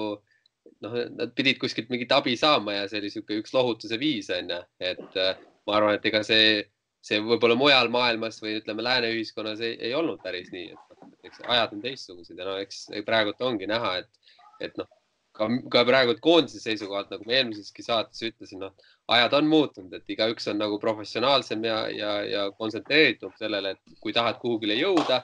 siis pead need mingid väiksed äh, nüansid, mis sa võisid kunagi teha, siis need pead nagu likvideerima, et, et kuhugile lõpuks jõuda jah, jah, need tundub küll, et need tihtipeale need noortekoondises või niimoodi nooruses tehtud nagu kuidagi käitumismustrid, et siin tuleb nagu, kui sa täis, täiskasvanutena tahad kuhugi jõuda, eh, siis, siis tuleb nagu tõesti eh, noh, ütleme pühenduda ikkagi täiega, et siin ei olegi mingit muud küsimust, eriti niisuguse väikse riigi puhul, et, et ei saa mõelda kogu aeg selle peale, et, et noh, konkurents on väike, et ei, tegelikult tuleb kogu aeg naabrimees võib sinust ka parem olla, et selles mõttes ei ole hullu no igal ajal on oma rõõmud ja mured.